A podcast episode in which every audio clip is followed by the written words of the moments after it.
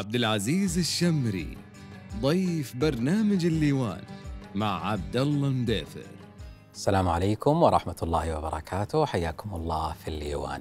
حكاية في الفلك. نناقشها الليلة مع الخبير الفلكي عبد العزيز الشمري. في الليوان تتضح الحكاية.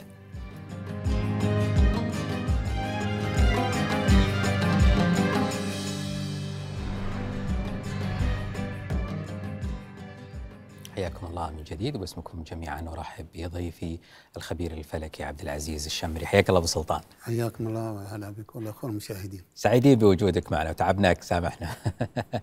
لا إحنا أسعد وإحنا سعيدين أيضا لنلتقي بمشاهدي ومشاهدات خليجية. الله يسلمك. إحنا في البداية يعني نحتاج منك انت تبسط لنا مجموعة من المصطلحات الفلكية اللي دائما نسمعها بس ما نعرف بالضبط إيش هي. ففي أكثر من مصطلح في بالي ودي أسألك عنه ونحتاج إنه نبسطها. يعني آخذ مثال آه، الشهب دائما نسمع شهب وشهاب ما هي ما هي طبيعة الشهاب؟ ما هو الشهاب؟ آه، عمليه الشهاب الشهب هي عبارة عن آه، بقايا كويكبات انفجرت خارج الغلاف الجوي وبالتالي أخذت تدور حول الأرض. وعندما تخترق هذه الصخور المتبقية من تلك الكويكبات تخترق الغلاف الجوي بسرعة رهيبة جدا فتشتعل الغلاف الجوي يشعل هذه الشهم أو هذه الصخور وتحترق أثناء دخولها أو مرورها بالغلاف الجوي وبالتالي نشاهدها على شكل شهب أو شكل آه، يعني أشياء لامعة في السماء نتيجة اختراقها للغلاف الجوي. يعني هي هي بقايا كوكب بقايا حاول تخترق تخترق بفعل الجاذبية الكرة الأرضية. أي. تجذب هذه البقايا وتخترق الغلاف الجوي. طبعا بأحجام مختلفة. والغلاف الجوي هذا حماية للأرض. الله سبحانه وتعالى هيأ للكرة الأرضية وجود الغلاف الجوي. فلولا الله ثم وجود هذا الغلاف الجوي لاحترقت الأرض بسبب وجود هذه الشهب. وطبعا أحجامها مختلفة جدا. يعني الشهب والنيازك. إيش الفرق بين الشهاب والنيزك؟ أن الشهاب هو الذي يحترق قبل أن يصل الأرض. أي. فإذا احترق نشاهد أنه احترق في السماء. وانتهى. وانتهى هذا شهاب. إنما أي. النيزك يعني في نيزك في موجود في قدام مبنى كلية العلوم في جامعة الملك سعود تقريبا ثلاثة طن.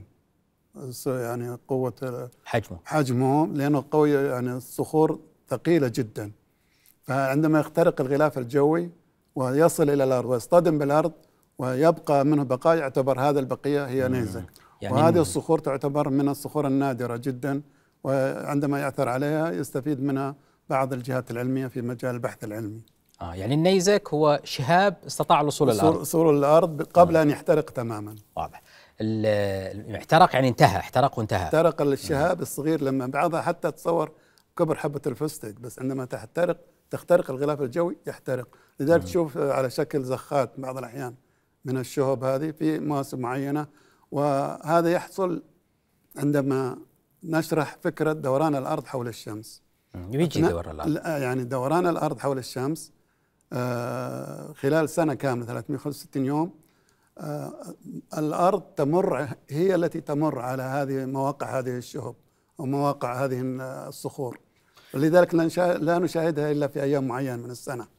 آه يعني, يعني تكثر يعني تكثر في أيام معينة في لها أيام معينة مم. تكون آه عندما تقترب الأرض من مواقع هذه الصخور الموجودة في الغلاف الجوي غالبا تكون متى هذه المواقع؟ أكثرها في برج الأسد تقريبا في أغسطس يسمونها الأسديات وعد يعني تقريبا موسمين أو ثلاث مواسم في السنة مم. ليش؟ لأن أثناء دوران الأرض حول الشمس آه في الفترة هذه اللي تكون الأرض في الموقع القريب من موقع هذه الناس تشفط أو تسحب م. هذه الصخور إلى بسبب الجاذبية وتخترق الغلاف الجوي. الحين الشمس الأرض تدور حولها حول حول مرة الشمس. واحدة في السنة كل 365 يوم, يوم وربع تقريبا وست ساعات ست ساعات تقريبا م. فبالتالي اثناء دوران الأرض حول الشمس تمر على هذه المواقع الموجودة فيها الصخور المنتشرة في الكون بشكل عام والقريبه من آه، الكرة الأرضية. فآخرها تقريبا لو قبل أسبوع يعني يسمونه الكويكب الصغير تقريبا قطره يمكن ما يقل يعني ما يزيد عن كيلو أو أقل من كيلو. وبالتالي مر من جنب الأرض بسلام. يعني حتى ما يعني حجمه وسرعته بحيث ما قدر يسقط يعني باراده الله سبحانه وتعالى ما سقط على الأرض. لو سقط على الأرض يمكن يسوي كوارث. والحمد لله مر بسلام. طيب إحنا ضمن آه، مجرة تسمى مجرة درب التبانة. أبغى أعرف أنا وش معنى مجرة؟ وش هي مجرة درب التبانة؟ وش المجرات الأخرى التي حولنا؟ آه، كما هو معلوم أن الأرض ضمن المجموعة الشمسية. نتكلم في البداية عشان نشرح الفكرة. إن عندنا الشمس يتبعها تقريبا تسع كواكب. اللي أيوه هي الشمس عطارد الزهرة الأرض المريخ المشتري زحل يورانوس ونبتون وبلوتو. بلوتو. إذا اعتبروا بعض الفلكيين قالوا إنه صغير أو معين. فهم هذه الكواكب مع الشمس تدور حول الشمس بمدارات معينة ثابتة والأرض هي الكوكب الثالث بعدا عن الشمس. يعني بينه وبين الشمس عطارد والزهرة. الزهرة. تبعد الأرض عن الشمس 150 مليون كيلومتر. 150 الأرض- مليون بعد كيلومتر الأرض عن الشمس 150 مليون كيلومتر. ال 150 مليون كيلومتر هذه بين آه، أثناء دوران الأرض حول الشمس خلال سنة كاملة الشعاع من الشمس ينطلق من الشمس إلى الأرض يصل خلال ثمان دقائق يقطع المسافة 150 مليون كيلومتر في في ثمان دقائق. آه يعني بسرعة الضوء. سرعة الضوء 300 ألف كيلومتر في الثانية. تصور 300 ألف كيلومتر في الثانية ينطلق الشعاع من الشمس يصل الأرض خلال ثمان دقائق يقطع 150 مليون. مليون كيلومتر. درجة الحرارة في مركز الشمس 20 مليون درجة. في مركز الشمس. 20 مليون درجة. 20 مليون درجة في مركز الشمس. وهي عبارة عن تفجيرات نووية منذ خلق الله سبحانه وتعالى الشمس والأرض والكون. تقريبا يقدر عم العمر الفلكي للشمس 4500 مليون سنة. وهي تشتعل منذ خلق الله سبحانه وتعالى إلى الآن ويعتبر الآن في منتصف العمر فلكيا. منتصف العمر. 4500 مليون سنة عمر الشمس. فإذا شعاع الشمس ينطلق من الشمس إلى يصل إلى الأرض خلال ثمان دقائق فاصلة ثلاثة من عشرة تقريبا. فهذا الشعاع درجة الحرارة على سطح الشمس 6000 درجة مطلقة. درجة الحرارة خارج الشمس أو على الغلاف الجوي للشمس 6000 درجة. ينطلق الشعاع ب 6000 درجة إلى أن يصل الأرض. فنشاهد درجة الحرارة الموجودة الآن على الأرض 30 40 50 درجة. ليش درجة الحرارة تختلف من بلد إلى بلد وليش تختلف من فصل إلى فصل؟ سبب الاختلاف بالنسبة لدرجات الحرارة على كوكب الأرض أنه هو ميلان الأرض. الأرض تدور حول الشمس بميلان محور الأرض يدور 23 درجة ونص. فأثناء دوران الأرض حول نفسها طبعا معروف أن الأرض تكمل دورة كاملة حول نفسها خلال 24 ساعة, ساعة. هذا اللي يطلع الليل والنهار. هذا الليل والنهار. أثناء دوران الشمس الأرض حول الشمس آه، خلال سنة كاملة يتغير محور الأرض بالنسبة للشمس. فلو تخيلنا الشمس والأرض محور دوران مع بخمسة 23 درجة ونص. ال 23 درجة ونص هي إرادة الله سبحانه وتعالى هي اللي تسبب اختلاف في درجات الحرارة. الميلان هذا للأرض حول الشمس وأثناء سقوط أشعة الشمس آه، يعطينا فصول السنة. فصل الصيف فصل الخريف فصل الشتاء وفصل الربيع. في كل فصل من هذه الفصول موقع معين للأرض بمحورها ميلان محورنا لو جينا في فصل الصيف في آه، 21 يونيو تكون الشمس متعامدة على مدار السرطان في النصف الجنوبي الشمالي من الكرة الأرضية. أثناء سقوط الأشعة الشمس على النصف الشمالي من الكرة الأرضية يكون النصف الشمالي من الكرة الأرضية صيف. وخط الاستواء طبعا هو النصف النصف الجنوبي يكون شتاء في 21 يونيو. فإذا الميلان الأرض هو اللي سبب.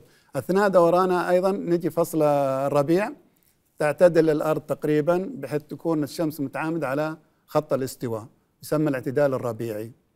في هذه الحالة الشمال والجنوب متساوي في درجات الحرارة في فصل الربيع بين بحيث يكون في النصف الشمالي ربيع وفي النصف الجنوبي خريف. مم. ثم ندخل على فصل الشتاء في 21 في آه، طبعا آه، الخريف في 21 سبتمبر والربيع في 21 مارس. ثم ندخل على فصل الشتاء فصل الشتاء يكون في 21 ديسمبر.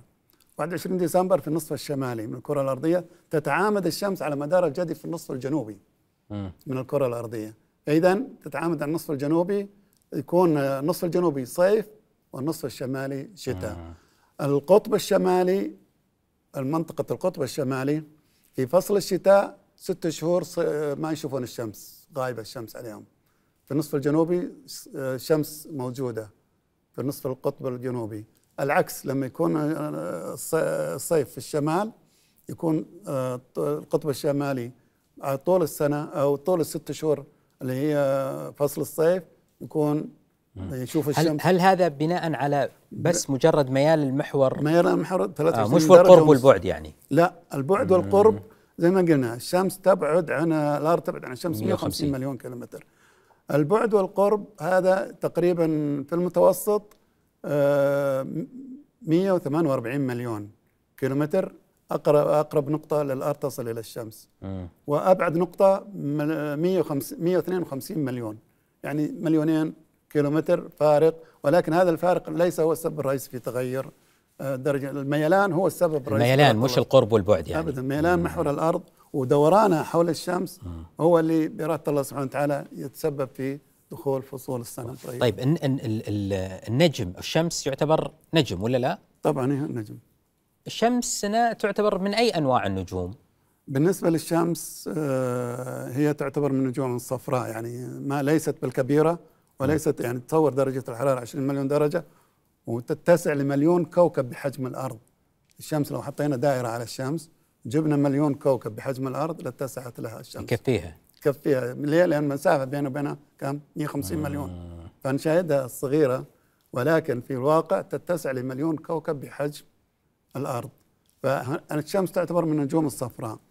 أقرب نجم إلى الأرض بعد الشمس آه، نجم يسمى ألفا قنطورس أو نجم قريب من ألفا قنطورس. هذا النجم اللي هو أقرب نجم بعد الأرض بعد الشمس إلى الأرض أو إلى الشمس تقريبا بشكل عام آه، ثلاثة من عشرة أو تقريبا سنة ضوئية. لو جينا السنة الضوئية يعرف لنا إيش إيش الم- السنة مصطلح السنة الضوئية. مصطلح السنة الضوئية هو المسافة التي يقطعها الضوء في سنة كاملة. سرعة الضوء 300 300 ألف كيلومتر في الثانية. أضربها في 60 تحول لدقيقة نضربها في 60 تحول إلى ثانية. من إلى ساعة كذا 24 ساعة في آه، على أساس يوم نضربها في 365 يوم وربع يطلع عندنا في السنة الضوئية الواحدة 9 مليون مليون كيلومتر. لا أنا أبغاك تعيد أهلي ما فهمت. موضوع السنة الضوئية السنة بالضبط. الضوئية هي المسافة التي يقطعها الضوء في سنة كاملة. هذا مصطلح فلكي من ال- الوحدات الفلكية. إذا الوحدة الفلكية التي هي تعتبر سنة ضوئية هي المسافة التي يقطع الضوء في سنة كاملة. سرعة الضوء 300 ألف. 300 ألف كيلومتر في, في الثانية الواحدة. عشان أحولها إلى دقيقة أضربها ب 60 مم. عشان أحولها إلى ساعة أضربها ب 60 النتيجة أضربها ب 60 أض- عشان أحولها اليوم أضربها ب 24 24 آه بعد كده أضربها ب 365 يوم وربع. وربع على أساس سنة كاملة. تطلع عندي 9 مليون مليون كيلومتر. لو ضربناها 4.3 من عشرة لأقرب نجم تطلع تقريبا 40 مليون مليون كيلومتر أقرب نجم إلى الأرض. بعد الشمس طبعا. سبحان الله. طيب في شيء أيضا في موضوع ال- المسافات يسمى الفرسخ الفلكي. إيش نقصد فيه الفرسخ؟ هذا من ضمن الوحدات الفلكية تعتبر آه، وحدات أعلى من السنة الضوئيه أو أعلى من بحيث إنها تعتبر من الوحدات الفلكية بشكل عام. فعد هناك آه، يعني وحدات الفلكية ندخل بها ضيع حلقتنا كلها. طيب موضوع النجوم. أنت قلت أنه نجم الشمس يعتبر نجم متوسط من النجوم الصفراء. طبعاً يعني في. نجوم عملاقة؟ لأن في النجوم لو جينا المجرة أنت سألت عن المجرة. خلينا خلينا نخلص هذه لا لا. عشان أقول لك. آه، المجرة هي مجرة درب التبانة التي من ضمنها الشمس والأرض والمجموعه الشمسيه هناك أكثر من مئة ألف مليون نجم في المجرة. 100 ألف مليون نجم في المجرة. كل نجم يتسع لمليون كوكب بحجم الأرض. وهناك أكثر من مئة ألف مليون مجرة. في كل مجرة أكثر من مئة ألف مليون نجم. لا تصير مستعجل علي يا أبو سلطان تكفى أنا أنا شوي. شوي أنت الحين إحنا فهمنا الكو- المجموعة الشمسية و- وارتباطنا في الشمس. طيب. الحين كم أي ن- كم نجم عندنا في المجرة درب التبانة؟ مئة ألف مليون نجم. مئة ألف مليون مليون نجم. نجم, وكل هذه تتسع إلى مليون ملايين الكواكب. الكوا شو اسمه الكواكب لو حطينا على مقياس الشمس وليش سموها درب التبانة؟ آه، درب التبانة سميت في على أنها لما تطالعها في الشتاء في في في البر طبعا حتكون كأنها آه، شبوها طبعا التسميات هذه قديم من أيام الإغريق واليونانيين والبابليين بحيث إنه زي ما تقول بالإنجليزي يسمونها ميلك واي الطريق اللبني بالعربي يسمونها درب التبانة يعني كان يعني آه، أذكر الله تبن مبثوث في التبن. هو معروف حق الزرع القمح والشعير لما يابس يصير أصفر. لما تبذه كذا يسمونه درب التبانة. كأنك بذيت شيء من الحاجات هذه فسموه درب التبانة. الإنجليز يسمونه ملكوي كأنه لبن منسكب. آه. ملكوي. موضوع ال- ال- النجوم العملاقة وفوق العملاقة والشمس. إيش حجم الشمس بالنسبة للنجم- بالنسبة للنجوم الباقية؟ بالنسبة للنجوم لو جينا لنجم الشعرى اللي ذكر في القرآن نجم الشعرى وهو في رب سورة النجم. إيه، لا وهو رب الشعرى نعم. طبعا نجم الشعرى هو النجم الوحيد اللي ذكر في القرآن طبعا غير الشمس بالنسبة للشمس. نجمة الشعرى هذه كانوا في لها سبب طبعا آه، لورودها في القرآن أنه كانوا المصاري الفراعنة والمصريين علماء مصر القديمة ويعبدون الشمس يعبدون نجم الشعرى. إيه. لأنه في نجم الشعرى هذا عندما تظهر الشعرى يكون فيضان النيل. ففي قصص خيالية أنهم يجيبون أحسن بنت في ظهور رق طور الشعرى نجم الشعرى ويرموها في النهر وكذا كذا. إذا كانوا يعبدون نجم الشعرى. الله سبحانه ذكر وهو رب الشعرى. يعني إيش معنى إنه ذكر؟ يعني النجوم عندنا مئة ألف مليون نجم. لأنه كانوا يعتقدون في إنه كان. بعدين كان أوضح نجم. يعني لا زال أيضا إنه نجم الشعرى هو من أوضح النجوم. هم هو اللي سمى الشعر الدبراء. اليمنية؟ آه، الشعر اليمنية. في طيب شعر الشامية؟ وفي شعر يمنية. نجمين ذولي. نجمتين بس إنه الشعر آه، آه، أوضح وأكبر من الشعر الشامية. لأن باتجاه اليمن لما أنت نشوفها ذكرت أنه القرآن آه، مذكر بس هذا. والسماء والطارق والطارق ذا ما هو نجم؟ لا الطارق آه، على حسب بعض الروايات يعني بعض المعلومات الفلكية إنه قد يكون الثقب الأسود بلاك هول مم. ليس نجم. يعني ال- الثقب الأسود هذا له وضع آخر شرح آخر نتطرق له إن شاء الله. لا لا بدنا نبدأ فينا- بالثقب وش هو الثقب الأسود؟ ال black hole هو عبارة عن آه، مركز بعض المجرات يكون فيها مركز قوي جدا. آه، درجة الحرارة حسب محاضرة الدكتور محجوب آه، عبيد طه الله يرحمه كان قسم ال- الأخ ال- قسم الفيزياء الدكتور السوداني اللي في أيوه الملك كان جامعة الملك سعود أيوة. ألقى محاضرة عن ال black hole وعن درجات الحرارة في الثقوب السوداء. قال هي تصل درجة حرارة 10 أس 32 ال black hole. يعني سودت. من درجة الحرارة بشكل رهيب جدا يعني بحيث أنها تشفط النجوم والمجرات اللي حولها تدخل فيها ال black hole هذا وتختفي. درجة حرارة 10 بسبب إنه الن- النجوم هذه إذا جت من عندها تختفي. تختفي بسبب الحرارة ولا الجاذبيه؟ الشفط الجاذبية الشفط حقت ال black hole كل ال- اللي حول أي نجم أي حاجة حولها ولذلك تلقى عادة تكون في مراكز المجرات أو في بعض المواقع. فبلاك هول تعتبر من أشد أو من أحدث الدراسات حول الكون بشكل عام.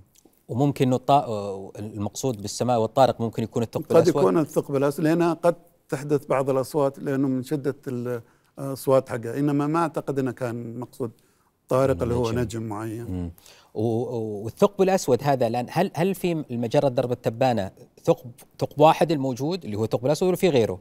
أعتقد حتى الآن بالنسبة لمعلومات الثقب الأسود لا يعني تحديدها بشكل تحتاج إلى مراصد كبيرة جدا. يعني عندنا مرصد بالومار في أمريكا قطره خمسة أمتار وصل الآن إلى 40 متر بعض المراصد بحيث أنهم يكتشفون ما في الكون كله يعني مجرات ونجوم والحاجات. هذه فعمليه الثقب الأسود حتى الآن لا زلنا في مجال البحث العلمي حقه وكيف عرفنا إنه في مجرات ثانية غير مجرة درب التبانة؟ طبعا أنت لما ترصد ال- السماء من خلال المراصد الفلكية تشاهد آه، مجموعة من المجرات كل مكان غير موقع مجرتنا مجرة التبانة فمن خلال الرصد الفلكي استطاع علماء الفلك أن يحصوا بشكل عام يعني أنهم يعني زي ما قلت أكثر من ألف 120 آه، ألف مليون نجم في كل مجرة في كل نجم مجرة 100 أكثر من 120 ألف هذا بشكل عام ال- ال- الكوكب اللي نعيش فيه اللي هو الأرض من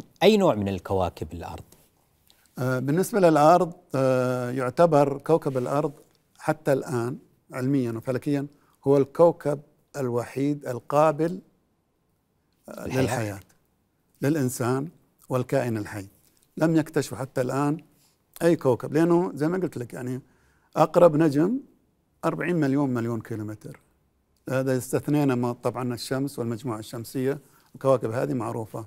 إنما كواكب أخرى غير المجموعة الشمسية حتى الآن لم تثبت لأنهم يعني مواقعها صعبة جدا بعيدة جدا بحيث أنه لا يمكن إلا من خلال آه، المسابير الفضائية اللي أرسلت واكتشفت بعض المواقع بعض الكواكب. ولكن أعتقد أنه حتى الآن لم يثبت وجود أي كوكب قابل للحياة غير الأرض الله سبحانه وتعالى هيأ هذا الكوكب للإنسان ليعيش عليه طيب ال- الكلام اللي دائما نسمعه في موضوع أنه في مخلوقات فضائية وفي هذه هل ثبت علميا أو هل في أي دلالات أو إشارات علمية أنه في في كائنات آه، فضائية عايشة في كواكب أخرى؟ طبعا بالنسبة لهذه كلها من أفلام الخيال العلمي أعتقد ما لم يثبت يعني علميا وفلكيا مم. وجود أي كائن حي أو كائن آخر غير الإنسان على هذا الكون الموجود قدامنا بإذن الله. ال- النجوم ال- أنا أبغى أفهم ال- الفرق بين النجوم والكواكب. يعني الحين النجوم شفناها حارة وفيها تفاعلات آه، نووية وفيها آه، طبعا بالنسبة للنجوم والكواكب النجم هو مضيء بذاته. يعني النجم زي ما قلنا الشمس درجة الحرارة في المركز 20 مليون درجة درجة الحرارة على السطح تقريبا 6000 4500 مليون سنة ملتهبة بإرادة الله سبحانه وتعالى فكل النجوم تعتبر مضيئة بذاتها عبارة عن كتل هذا هذا غازية هذا الاحتراق وشو؟ هذا تفجيرات نووية داخل الشمس مم. يعني لو تجيب قنبلة نووية وتجيب أشياء تفجيرات تت... هذه التفجيرات هيدروجين ونيتروجين وأكسجين مم. داخل الشمس تتف... تنفجر وتشتعل الشمس على مدار عمرها كله باراده الله سبحانه وتعالى. وال- وال- والكواكب الكوكب لا، الكوكب يعتبر آه يعني جزء يستقبل الضوء من الشمس، يعني مو غير مع- معتم ليس يصدر منه أي ضوء ولكنه يستقبل ضوءه من الشمس. يعني أجسام صلبة صلبة. باردة غير مضيئة لا تنتج الطاقة طبعا في بعض الكواكب لو جينا كوكب المشتري وبعض الكواكب البعيدة عن الشمس يعني ليست صلبه 100% إلا فيها غاز تعتبر غازية.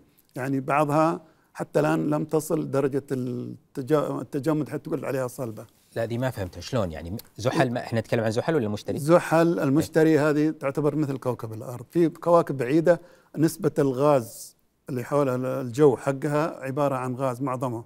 يعني مش مش جامدة. ليست جامدة. يعني لما لاحظوا الفلكيين إنه لما يجي أي شهاب أو نيزك يضرب في كوكب المشتري يدخل يخترق الغلاف الجوي. للمشتري بحيث الجو- الغلاف الجوي يعني يكون سميك جدا. وكذلك زحل أيضا له كوكب يعني له غلاف جوي آه، سميك. ولكن آه، في النواة تعتبر صلبة. وال- والكويكبات ولكن لا يضيء. آه. كلها الكواكب لا ما تضيء. لا تضيء. والقمر اللي هو تابع للأرض والتوابع مثلا الأقمار آه، تابعه للمجموعه الشمسية للكواكب. لو جينا القمر حول الأرض يبعد عن الأرض 384 ألف كيلو ق- متر قبل البعد أبو سلطان الحين عرفنا إحنا إيش الفرق بين الشمس بين النجوم وبين الكواكب. إيش الفرق بين الكواكب والأقمار؟ القمر يكون تابع لل- لل- للكوكب. يعني يدور حول الكوكب. القمر تابع للكوكب. يعني يجينا قمر ال- اللي هو حول الأرض ي- هو تابع للارض يدور حول الأرض ويدور مع نفس الوقت مع مع الأرض حول الشمس. آه يعني ال- القمر يدور حول الكوكب والكوكب يدور حول النجم. الشمس والاثنين كلهم يدورون حول الشمس بنفس الوقت. إحنا يعني المشتري مثلا في أقمار كثيرة في يمكن ما أدري حول 40 أو شيء. الأقمار المشتري والمريخ وزحل كلها موجود فيها أقمار كبيرة جدا كثيره وإحنا ما عندنا إلا قمر واحد. عندنا واحد الأرض لها قمر واحد تابع فقط. قطعت كلامك قبل شوية أرجع إلى موضوع المسافه القمر اي القمر و... القمر يدور حول الأرض المسافة بين القمر والأرض 384 ألف في المتوسط. بعض الأحيان يقول لك القمر العملاق والقمر القزم وكذا. المسافة متوسط المسافة 384 ألف كيلومتر. إذا قرب الأرض إلى مسافة 356 ألف يكون قريب من الشمس فيصير القمر عملاق. يطلق عليه القمر العملاق. لأنه قرب شوي يقرب إلى الأرض تقريبا. المسافة صغرت من 384 ألف إلى 356 ألف. يرجع ثاني مرة يصير في المتوسط عندما يبتعد إلى 404 آلاف آه كيلومتر يروح لفوق ال 400 أربع- 404 آلاف فيكون القمر بعيد يصير القمر قزم. فالم... اللي يخلي القمر وم- ومتى يقرب؟ ومتى ي- غالبا. طبعا له دورة معينة معروفة فلكيا أنه أي. متى يقرب متى يبعد خلال دورة كاملة حول الأرض وحول الشمس. ليش قالوا يعني إحنا بنعرف إنه ال- القمر يدور حول حول الأرض آه يعني مرة في الشهر تقريبا ولا دورة كاملة كل شهر. إيه خلال 30 يوم. قالوا 27 يوم وشوي ما بس ما فهمتها. لا المتوسط هذا القمر يسمونه الشهر النجمي والشهر القمري. اشرح لي إياها. القمر بالنسبة لنجم معين مم. بالنسبة للنجم يعني لو قسنا القمر لنجم معين 27 يوم ونص. بينما أثناء دوران الأرض حول الشهر يعني لو كانت الأرض ثابتة كان صار الشهر ثابت. يعني آه، 28 يوم ونص أو كذا بس أثناء دوران الأرض حول الشمس خلال شهر كامل قطعت أو الأرض يعني قطعت مسافة بحيث أنه القمر يلحق بها لذلك يختفي القمر متى؟ صبيحة يوم 28 ويظهر عند الهلال فيومين مفقودين ليه؟ ذي؟ هذا راح اليومين أنه الأرض تدور حول الشمس القمر عشان يلحق بها فيحصل الاقتران بعد الاقتران تحصل الولادة الفلكية للقمر. طيب نرجع لشيء يسمى ال ال ال ال أو قبل هذه ال الف الأرضية اللي موجودة طبيعة الكوكب هي نفسها طبيعة القمر ولا تختلف؟ آه، تقريبا آه، في آه، بالنسبة لكل كوكب له مزايا الخاصة بالكوكب. يعني كوكب الأرض القمر تقريبا مشابه للأرض لأنه قد يكون في يوم من الأيام أنه انفصل من الأرض جزء من الأرض. فانفصل عن الأرض أثناء تكوين الكرة الأرضية. بإرادة الله سبحانه وتعالى فانفصل عن الأرض فتقريبا مشابه. ولكن القمر لا يوجد عليه غلاف جوي. غير قابل للحياة. لذلك تلاحظ أن رواد الفضاء عندما يطلعون يخرجون إلى القمر وينزلون درجة الحرارة لو كنت على سطح القمر آه هنا ظل هنا شمس. افرض عندك صخرة هنا 220 درجة فوق الصفر هنا 20 درجة تحت الصفر. ليش يعني ما في غلاف جوي؟ آه يعني الغلاف الجوي هو اللي قاعد يضبط هو اللي. يتحكم بالكرة الأرضية كلها. لا يعني الحين هنا لو الأرض لو الأرض ما فيها غلاف جوي كان ما في حياة على الأرض. يعني رغم قربه 220 درجة حرارته. تقريبا لأنه ال- درجة الحرارة على طول الوقت ما في ما في غلاف جوي يتحكم بها. طيب في شيء نسم نسمع فيه دائما يمر اللي هي المذنبات. المذنبات أيضا من ضمن ال- الأجسام والاجرام السماوية. هذه المذنبات عبارة عن كتل آه، يعني ثلجية تقريبا أو غازية متحركة وتدور حول الشمس. فبسبب جاذبية الشمس بإرادة الله سبحانه وتعالى تدور حول الشمس. هذه المذنبات آه، لها ذيل يسمونها آه، عشان كذا سميت مذنب ورأس الكتلة. الغازية الأساسية. فتدور حول الشمس وبالتالي تضع خلفها الذيل ويشاهد. بعض الأحيان زي ما ذكرنا مذنب هالي ومذنب. تكون قريبة من الأرض فنشاهدها. بعض الأحيان تكون بعيدة عن الأرض ما نقدر نشاهدها في إلا في حالات معينة وفي أيام. كل كل مذنب له دورة فلكية خاصة به. لكن هي قطعة غاز يعني ولا كيف؟ هي عبارة عن كتل غازية منفصلة وصلبة تقريبا لا صلبه بحيث مت- يعني الكتله الغازية بشكل كثيف جدا لأن لبعدها عن الشمس ولكنها تدور بحرية ما هي مثل الكواكب ثابت مسارها لا تدور بسرعة رهيبة جدا حول ما حول الشمس. اللي يسمونه ال Big Bang أو ال أو ال الانفجار العظيم؟ ما هو الانفجار العظيم؟ آه، نظرية ال Big Bang نظرية الكون أو الانفجار الكوني ال- بداية الكون هذه يتكلموا عنه بعض الفلكيين. أنه كان الكون عبارة عن نقطة أو شيء وفجأة هذا هذه النقطة بإرادة الله سبحانه وتعالى انفجرت وتكونت منها ال- المجموعة النجوم والمجرات والكواكب وغيرها. فهذه يقول هذه هي أساس الكون فلكي من وجهة نظر علم الفلكية. فنظرية ال Big Bang حتى الآن على فكرة لم يعني تعتبر نظرية لا- ليست حقيقة علمية. فبعض العلماء طبعا آه، الغربيين والملحدين بشكل عام إنهم ما ما في خالق فلازم يحطون حاجة إنه شلون جاء الكون اي بس موضوع النسبية والأينشتاين وال- والكلام لا. أينشتاين النسبية هذا غير آه، ما له دخل بنظرية ال Big Bang أينشتاين يتكلم عن دوران الأرض والمجموعة الشمسية والكون وتغيرات يعني بين المجرات نفسها. بين الكواكب وبين ال... فهذه بعد ما تكونت بس نظرية ال Big Bang اللي هي بداية الكون. بداية الكون هذه وضعت ولكنها لا زالت نظرية وليست حقيقة علميه آه طيب الآن بناء على الدراسات الفلكية اللي قاعد تصير هل الكون يتمدد أم يتقلص؟ آه، طبعا بالنسبة للدراسات الفلكية تأكد أن الكون يتمدد بشكل رهيب جدا. يعني بحيث أنه مجرات معينة يرصدونها ويجدون بعد فترة أن المجرات بدأت المسافات تتسع بشكل رهيب جدا وتظهر أيضا على فكرة. يعني على لو قلنا أن نجم معين آه، بعده أربع سنين ضوئية زي ما قلنا الفا قنطورس أو نجم على بعد ألف سنة ضوئية. إيش معناه؟ إنه الشعاع اللي ينطلق من النجم قبل ألف سنة تو يصلنا تو وصلنا الحين. إيه يعني الشعاع اللي إحنا نشوف من النجوم هذه على حسب بعدها.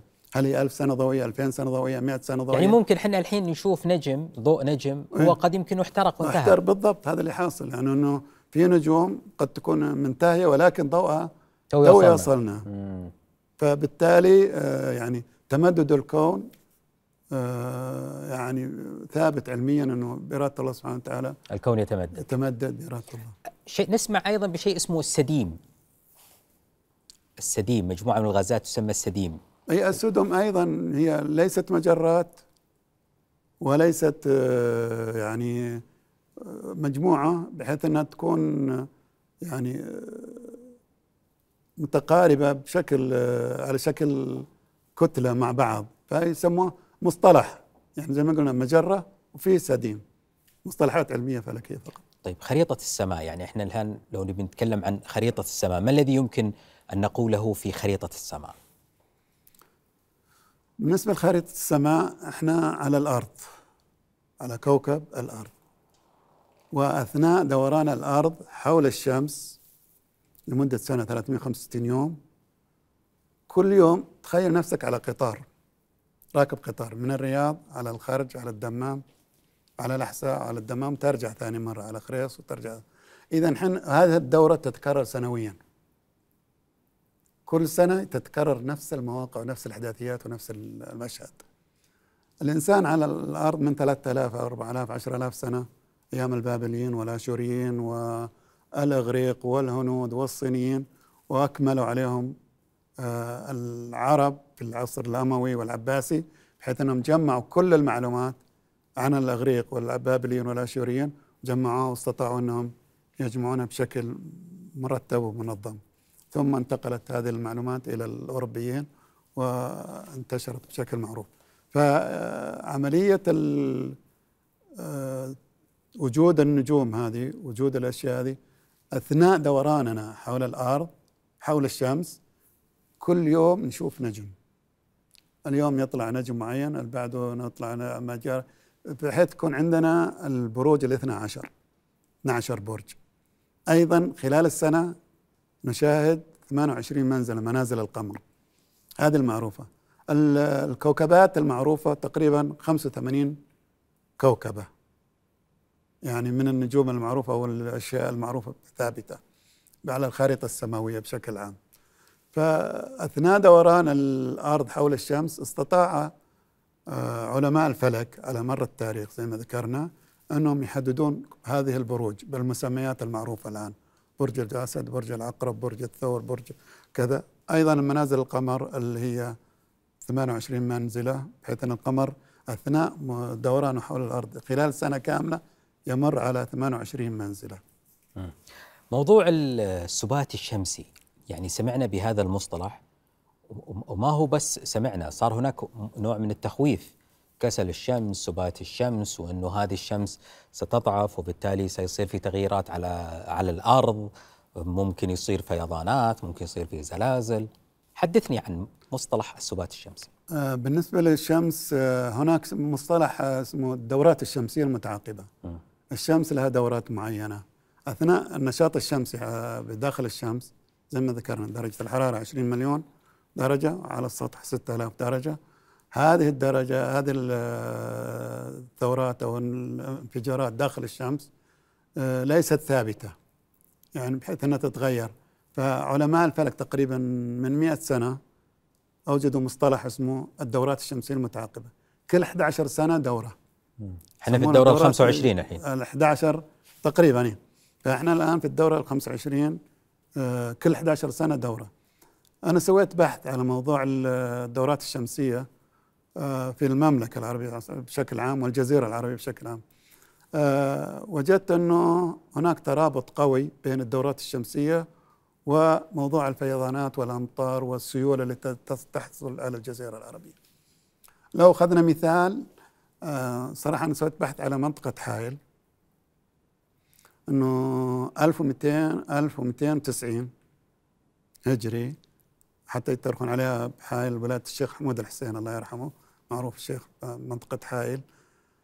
آه، حصل فيضانات في حائل رهيبة جدا غرقة بشكل مت- تكررت بعد 70 سنة.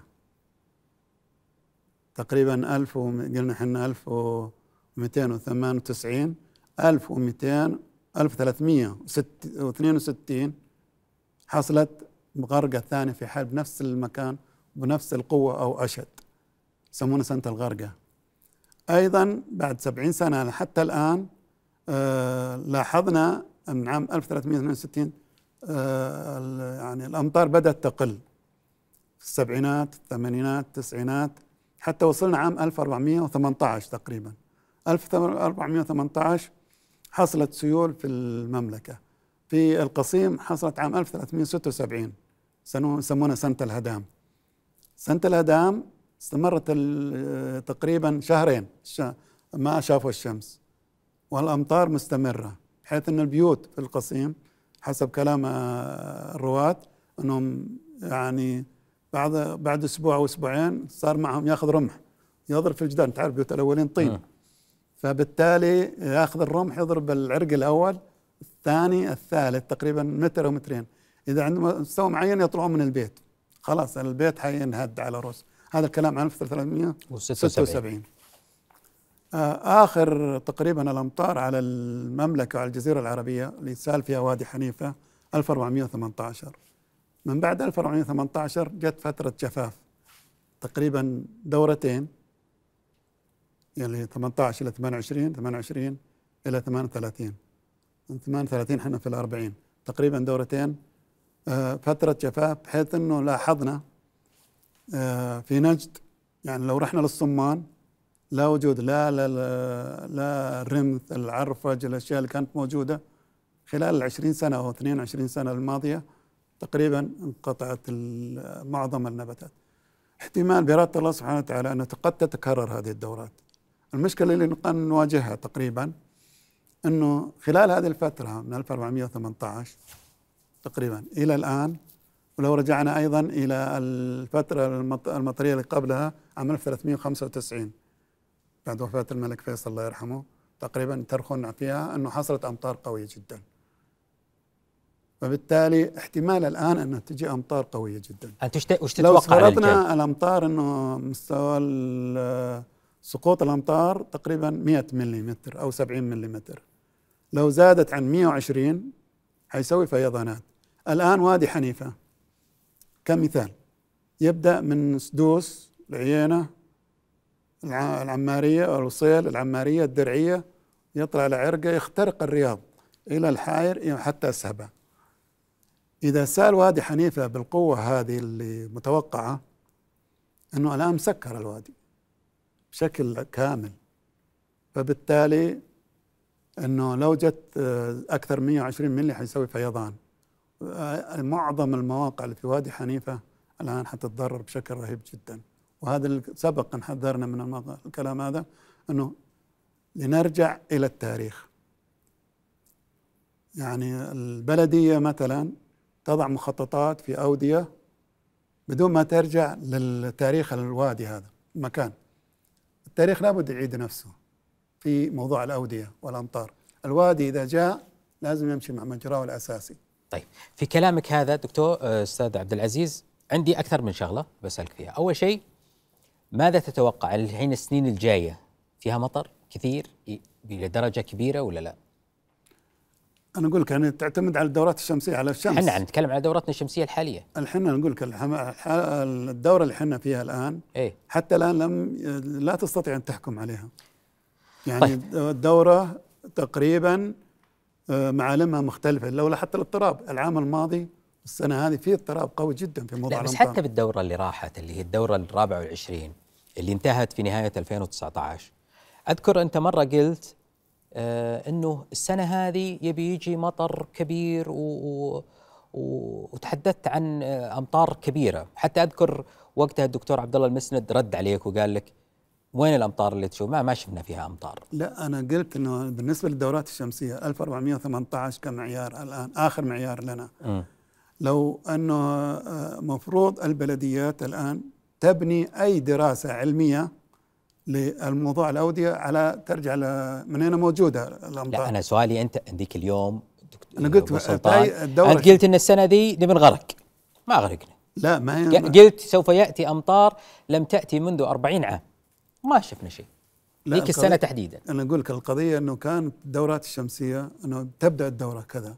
كانوا متوقعين الحاجة متوقعة. وحتى لا زال التوقع موجود على فكرة.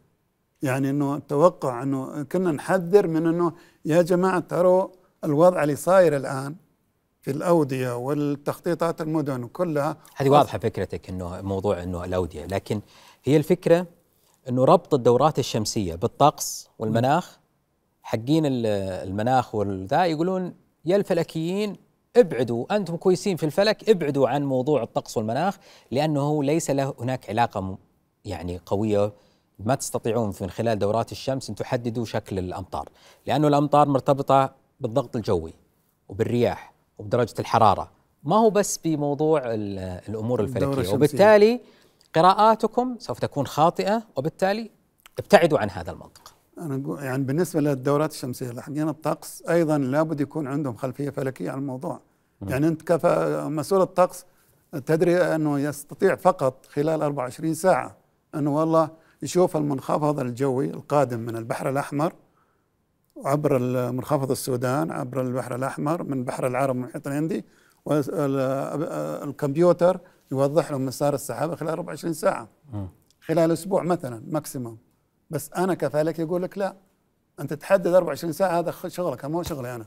ما أقول لك بكرة بيجي مطر وسحابة بتغرق لا هي مي على أخبار هو هو حتى حتى أذكر أن الدكتور عبد الرحمن الحبيب كتب مقال جريدة الجزيرة وقال آه، المفروض يطالب يطالب أبو سلطان عبد العزيز الشمري بالاعتذار. لا أنا النقطة اللي ابغاها أنه المشكلة أنه ما فهموا الفكرة اللي إحنا نبغاها. إحنا نقول يا جماعة ترى في حاجة حتحصل. في ما أي حصل. وقت في حتحصل. لو ما حصلت بكرة أمس تحصل بكرة أو بعده أو بعد سنة أو بعد عشر سنين. أنا كلامي ذيك الأيام كنا نتكلم عن موضوع وادي حنيفة.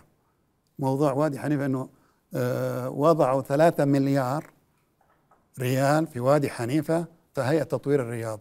وجابوا صخور الرياض كلها كبوها في وادي حنيفة. آه الاستراحات القصور ال- كل الدنيا تسكر الوادي.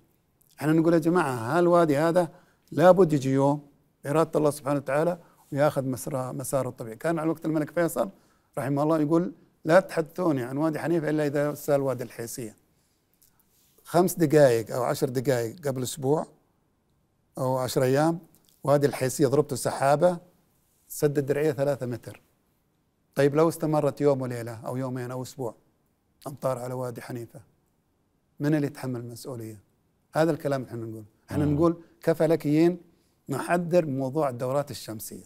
أن تقول إنه الدورات الشمسية قد تأتي بأمطار كبيرة جدا, جدا. لابد تعيد نفسها. إيه، تعيد نفسها وبالتالي مجرى. المادي ذا في لازم مشكلة. يمشي بس أنت سكرته الحين.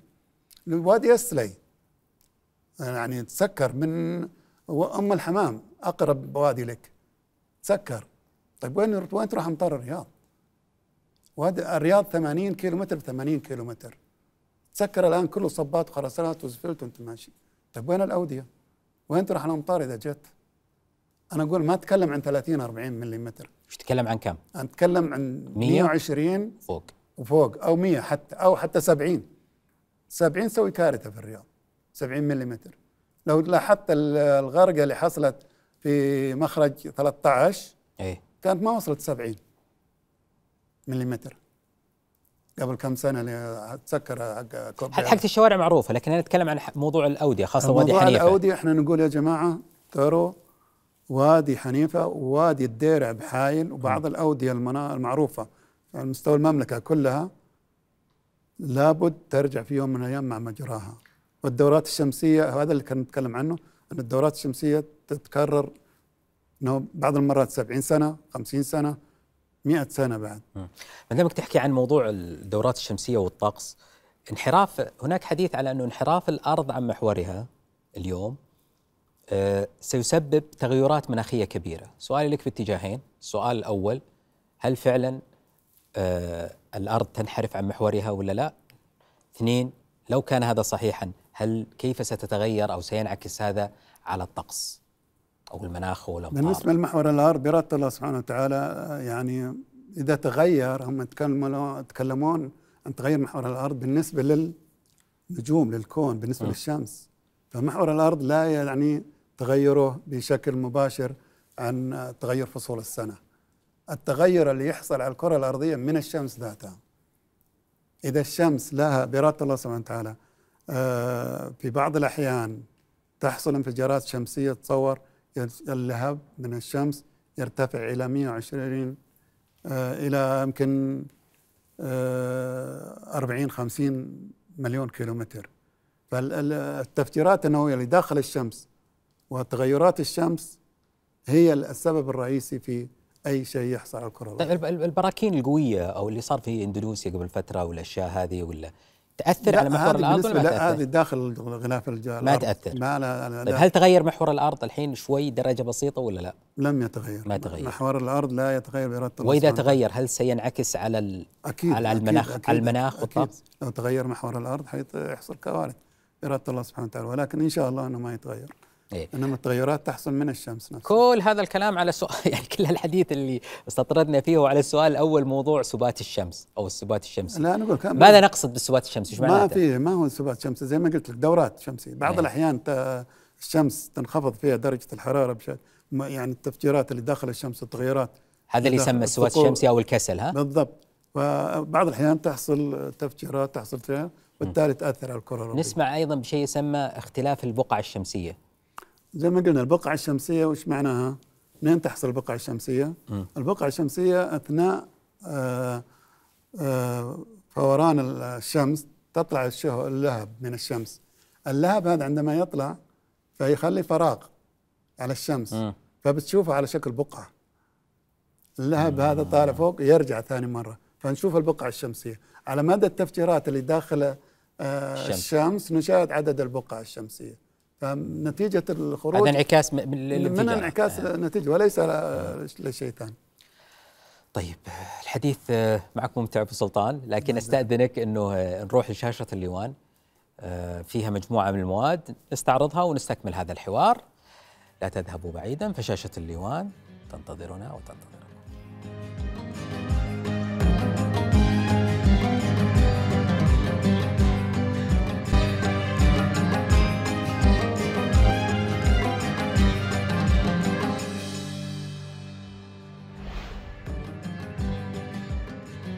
حياكم الله في شاشة الليوان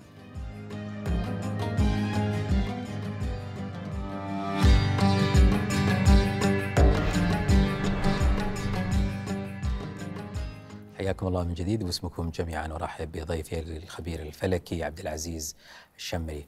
أبو سلطان إحنا هنا عندنا شاشة الليوان فيها مجموعة من المواد بس قبل ما أروح لشاشة الليوان في عندك أوراق واجد وملفات أها. خلونا نشوفها تقدر تجيبها لي؟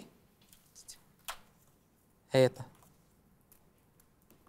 تفضل أنا إيش إيش الأشياء هذه اللي معك هذا التقويم؟ الهجري القمري على توقيت مكة المكرمة ب- يقابله بالميلادي والهجري الشمسي وموعد غروب الشمس وغروب القمر في مكة المكرمة من 100 قبل الهجرة إلى 2004 بعد الهجرة 2000 سنة تقريبا شلون هذا 2100. هذا تقويم هذا؟ هذا تقويم هجري قمري مقابل آه، على توقيت مكة المكرمة لأكثر من 2000 تعطيني يا ابو سلطان بس. معليش. هذا المجلد الأول. ه- الحين هذا التقويم الهجري قمري. قمري على توقيت مكة؟ على توقيت مكة المكرمة. يعني زي أم القرى. هو تقريبا أم القرى. هو ما هو زي ما هو أم القرى بس ل 2000 سنة. 2000 سنة قدام. 2000 سنة قدام. طبعا هذا أم تقويم ل القرى؟ 2000 سنة قدام. 2000 سنة قدام. ما هو قدام. من 100 قبل الهجرة إلى 2000 إحنا الآن 1400 إيه يعني هذا 600 سنة قدام. 600 سنة قدام و1400 أو 1500 ق- قبل. قبل الهجرة من 100 سنة بحيث أنه تحدد بدايات الأشهر الهجرية القمرية.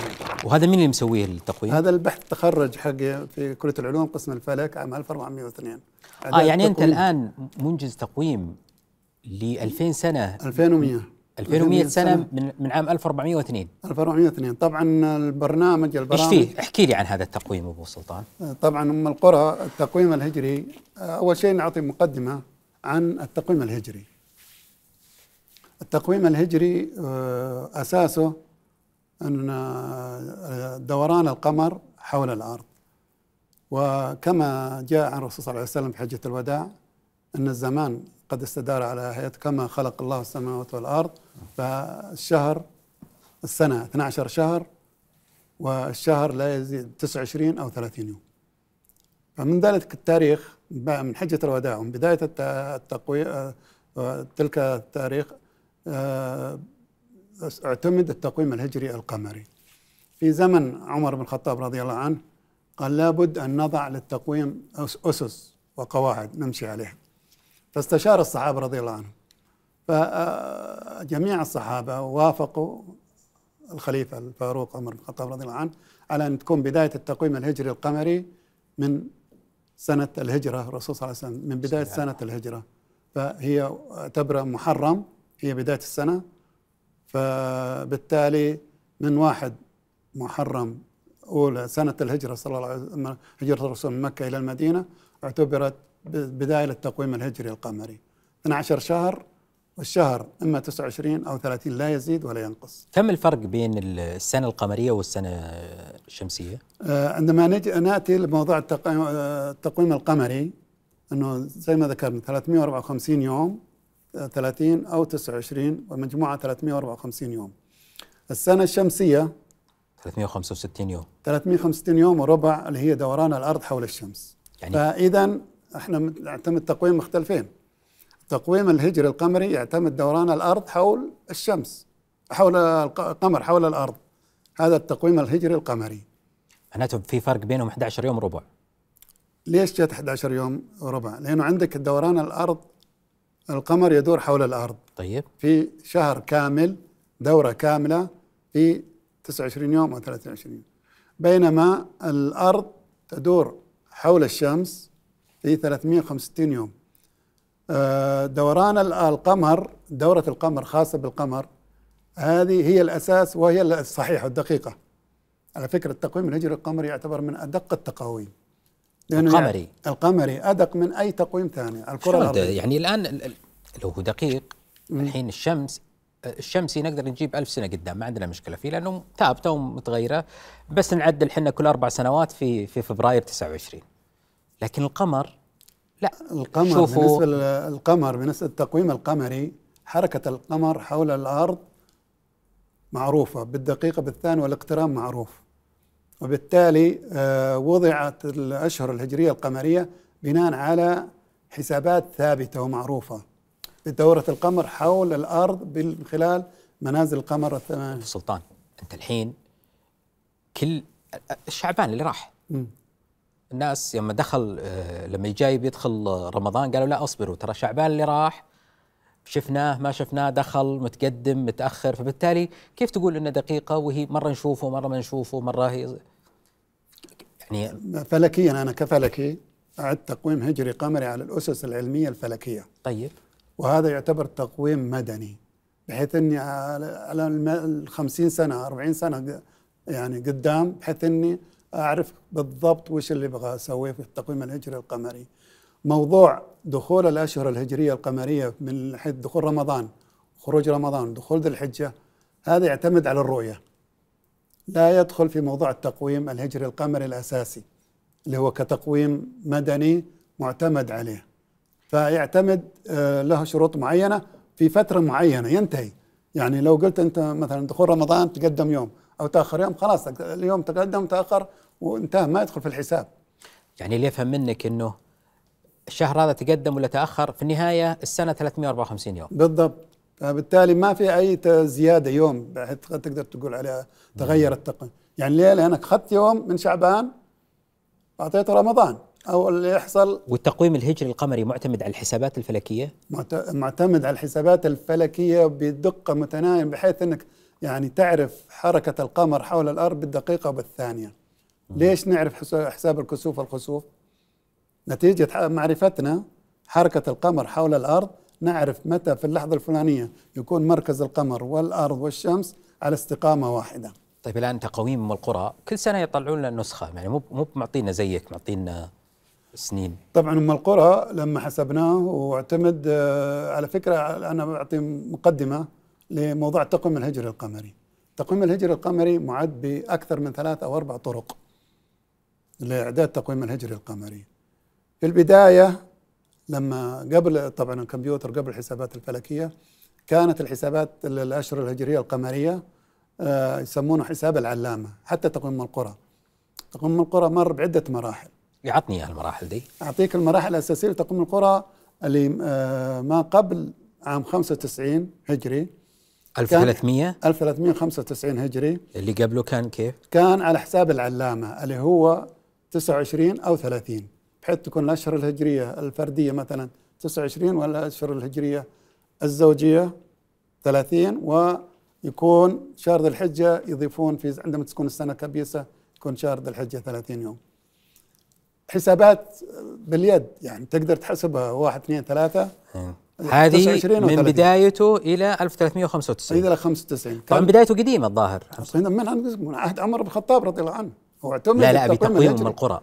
لا أم القرى عام 55 تقريبا أو, أو في الستينات الهجرية. الظاهر 46 هجري ترى ما متأكد. المهم في بداية الدولة السعودية الحديثة إنه مع توحيد المملكة وضع تقويم هجري قمري على تسمى تقويم القرى. وهذه طريقة حسبته إلى 1395 المرحله الثانية 95 جاء الدكتور فضل أحمد نور محمد كان رئيس قسم الفلك أو قسم الفلك كلية العلوم جامعة الملك سعود واقترح على الأمير مساعد بن عبد العزيز كان وزير المالية أعتقد أنه ليش نعتمد على حساب العلامة؟ ليش ما نعتمد على الحسابات الفلكية العالمية؟ الدقيقة. فاقترح أنه يكون تقويم أم القرى على منتصف الليل على جرينتش إذا كان الاقتران يحصل قبل منتصف الليل في جرينتش على توقيت خط جرينتش يكون بكرة واحد. إذا كان قبل كمل الشهر 30 فاعتمد من عام 95 على خط جرينتش على جرينتش السنة القمرية. السنة القمرية على خط جرينتش منتصف الليل ولادة الهلال فلكيا أو الاقتران على خط جرينتش من عام 95 هذه المرحلة الثانية. المرحلة الثانية. استمرت إلى متى؟ إلى عام 1420 آه يعني هذه جلست إلى 1420 إلى 1420 تقوم القرى لأن اللي بيشوفها الحين أم القرى يعني قبل 20 يجد في اختلاف آه، يوم أو يومين عن تقويم لما اعتمدنا على مكة المكرمة. 1420 ماذا حدث؟ في عام 1418 آه، صدر الأمر السامي. بالموافقة على لائحة الهلة صدرت من مجلس الشورى. وأنا أعتبر هذه من حسنات مجلس الشورى. ولا أحد يمكن يعرفها الحسنة هذه لأنهم أصدروا لائحة اسمها لائحة الأهلة من 11 فقرة. هذه ال 11 آه، فقرة من ضمنها فقرة تذكر أو يعني آه، تؤكد على أنه على معدي تقويم القرى اعتماد إحداثيات مكة المكرمة كأساس للتقويم الهجري. م. يعني اتركوا جرينتش وضعوا على مكة. فنقلوا من هذه من جرينتش إلى مكة. مجلس الشورى هذه ما- لائحة بس. بناء على اللائحة الأمر السامي صدرت الموافقة على اللائحة. مم. فاعتبر الآن خلاص يعني اللائحة لابد تنفذ. آه، كنا في مدينة الملك عبد العزيز عم التقنية والدكتور صالح العدل- هو رئيس المدينة ذيك الأيام. وأنت إيش كان دورك في المدينة؟ أنا؟ اي أنا كان آه، أنا تخرجت من كلية العلوم عام 1402 هجري وتعينت مدينة الملك عبد العزيز في المركز الوطني للفلك من عام 1402 إلى عام 1437 ك- خلال فترة من 1407 تقريبا إلى آه، 1437 كنت مدير المراصد الفلكية. مدير المراصد الفلكية مدينة الملك عبد عبد العزيز. بالمركز الوطني للفلك مدينة الملك عبد العزيز. نعم. فالدكتور صالح آه، يعني هو رئيس لجنة أم القرى ذيك الأيام لجنة إعداد تقويم أم القرى. والأمر السامي صدر بأن يكون إعداد تقويم هجري قمري على توقيت مكة المكرمة. فأنا ذهبت للدكتور صالح قلت له أنا البحث جاهز. كان أخذت بحث التخرج حق عام 1402 مع الدكتور صلاح الدين حامد إبراهيم رئيس قسم الفلك بروفيسور صلاح الدين. آه، هو كان مشرف على البحث حقي إنه إعداد تقويم هجري قمري على توقيت مكة المكرمة بلغة ال Fortran. وش اللغة الفورتران؟ لغة الفورتران هي أحد لغات البرامج الكمبيوتر بحيث إنك تعد برامج كمبيوترية لحسابات فلكية أو حسابات بشكل عام أي حسابات. فأخذت البرنامج الدكتور صالح، الدكتور صالح حول البرنامج الدكتور فايز الحرقان مشرف على المعهد البحوث المعهد الإلكترونيات. دكتور فايز أخذ البرنامج ووضعه على أنه يكون أعداد حسابات تقويم القرى على مكة المكرمة بناء على البحث والمعادلات اللي سويتها أنا في بعد التخرج حقي. مم. الدكتور فايز آه، سوينا من عام 1420 إلى 1450 لما جينا نسوي التقويم طبعا لازم نحط ريفرنس مرجع لنا أو شروط. فالشروط اللي وضعناها لتقويم القرى أنه يكون أول شيء أن يكون الاقتران يحصل قبل غروب الشمس في مكة المكرمة. الاقتران هي الولادة الفلكية. لما يكون مركز الأرض والشمس القمر على استقامة واحدة. في كل شهر تحصل. اللحظة هذه. تكون الشمس والقمر والأرض على استقامة, على استقامة واحدة. على خط مستقيم واحد. هذه اللي تسمى لحظة الاقتران لحظة أو الولادة الاقتران. الفلكية القمر. للقمر. للهلال أو القمر. يعني الاقتران هو لحظة الولاده الفلكية. الولادة الفلكية اللي هي يكون للقمر. مركز القمر والأرض والشمس. واضح. كل شهر تحصل هذه اللحظة. مم.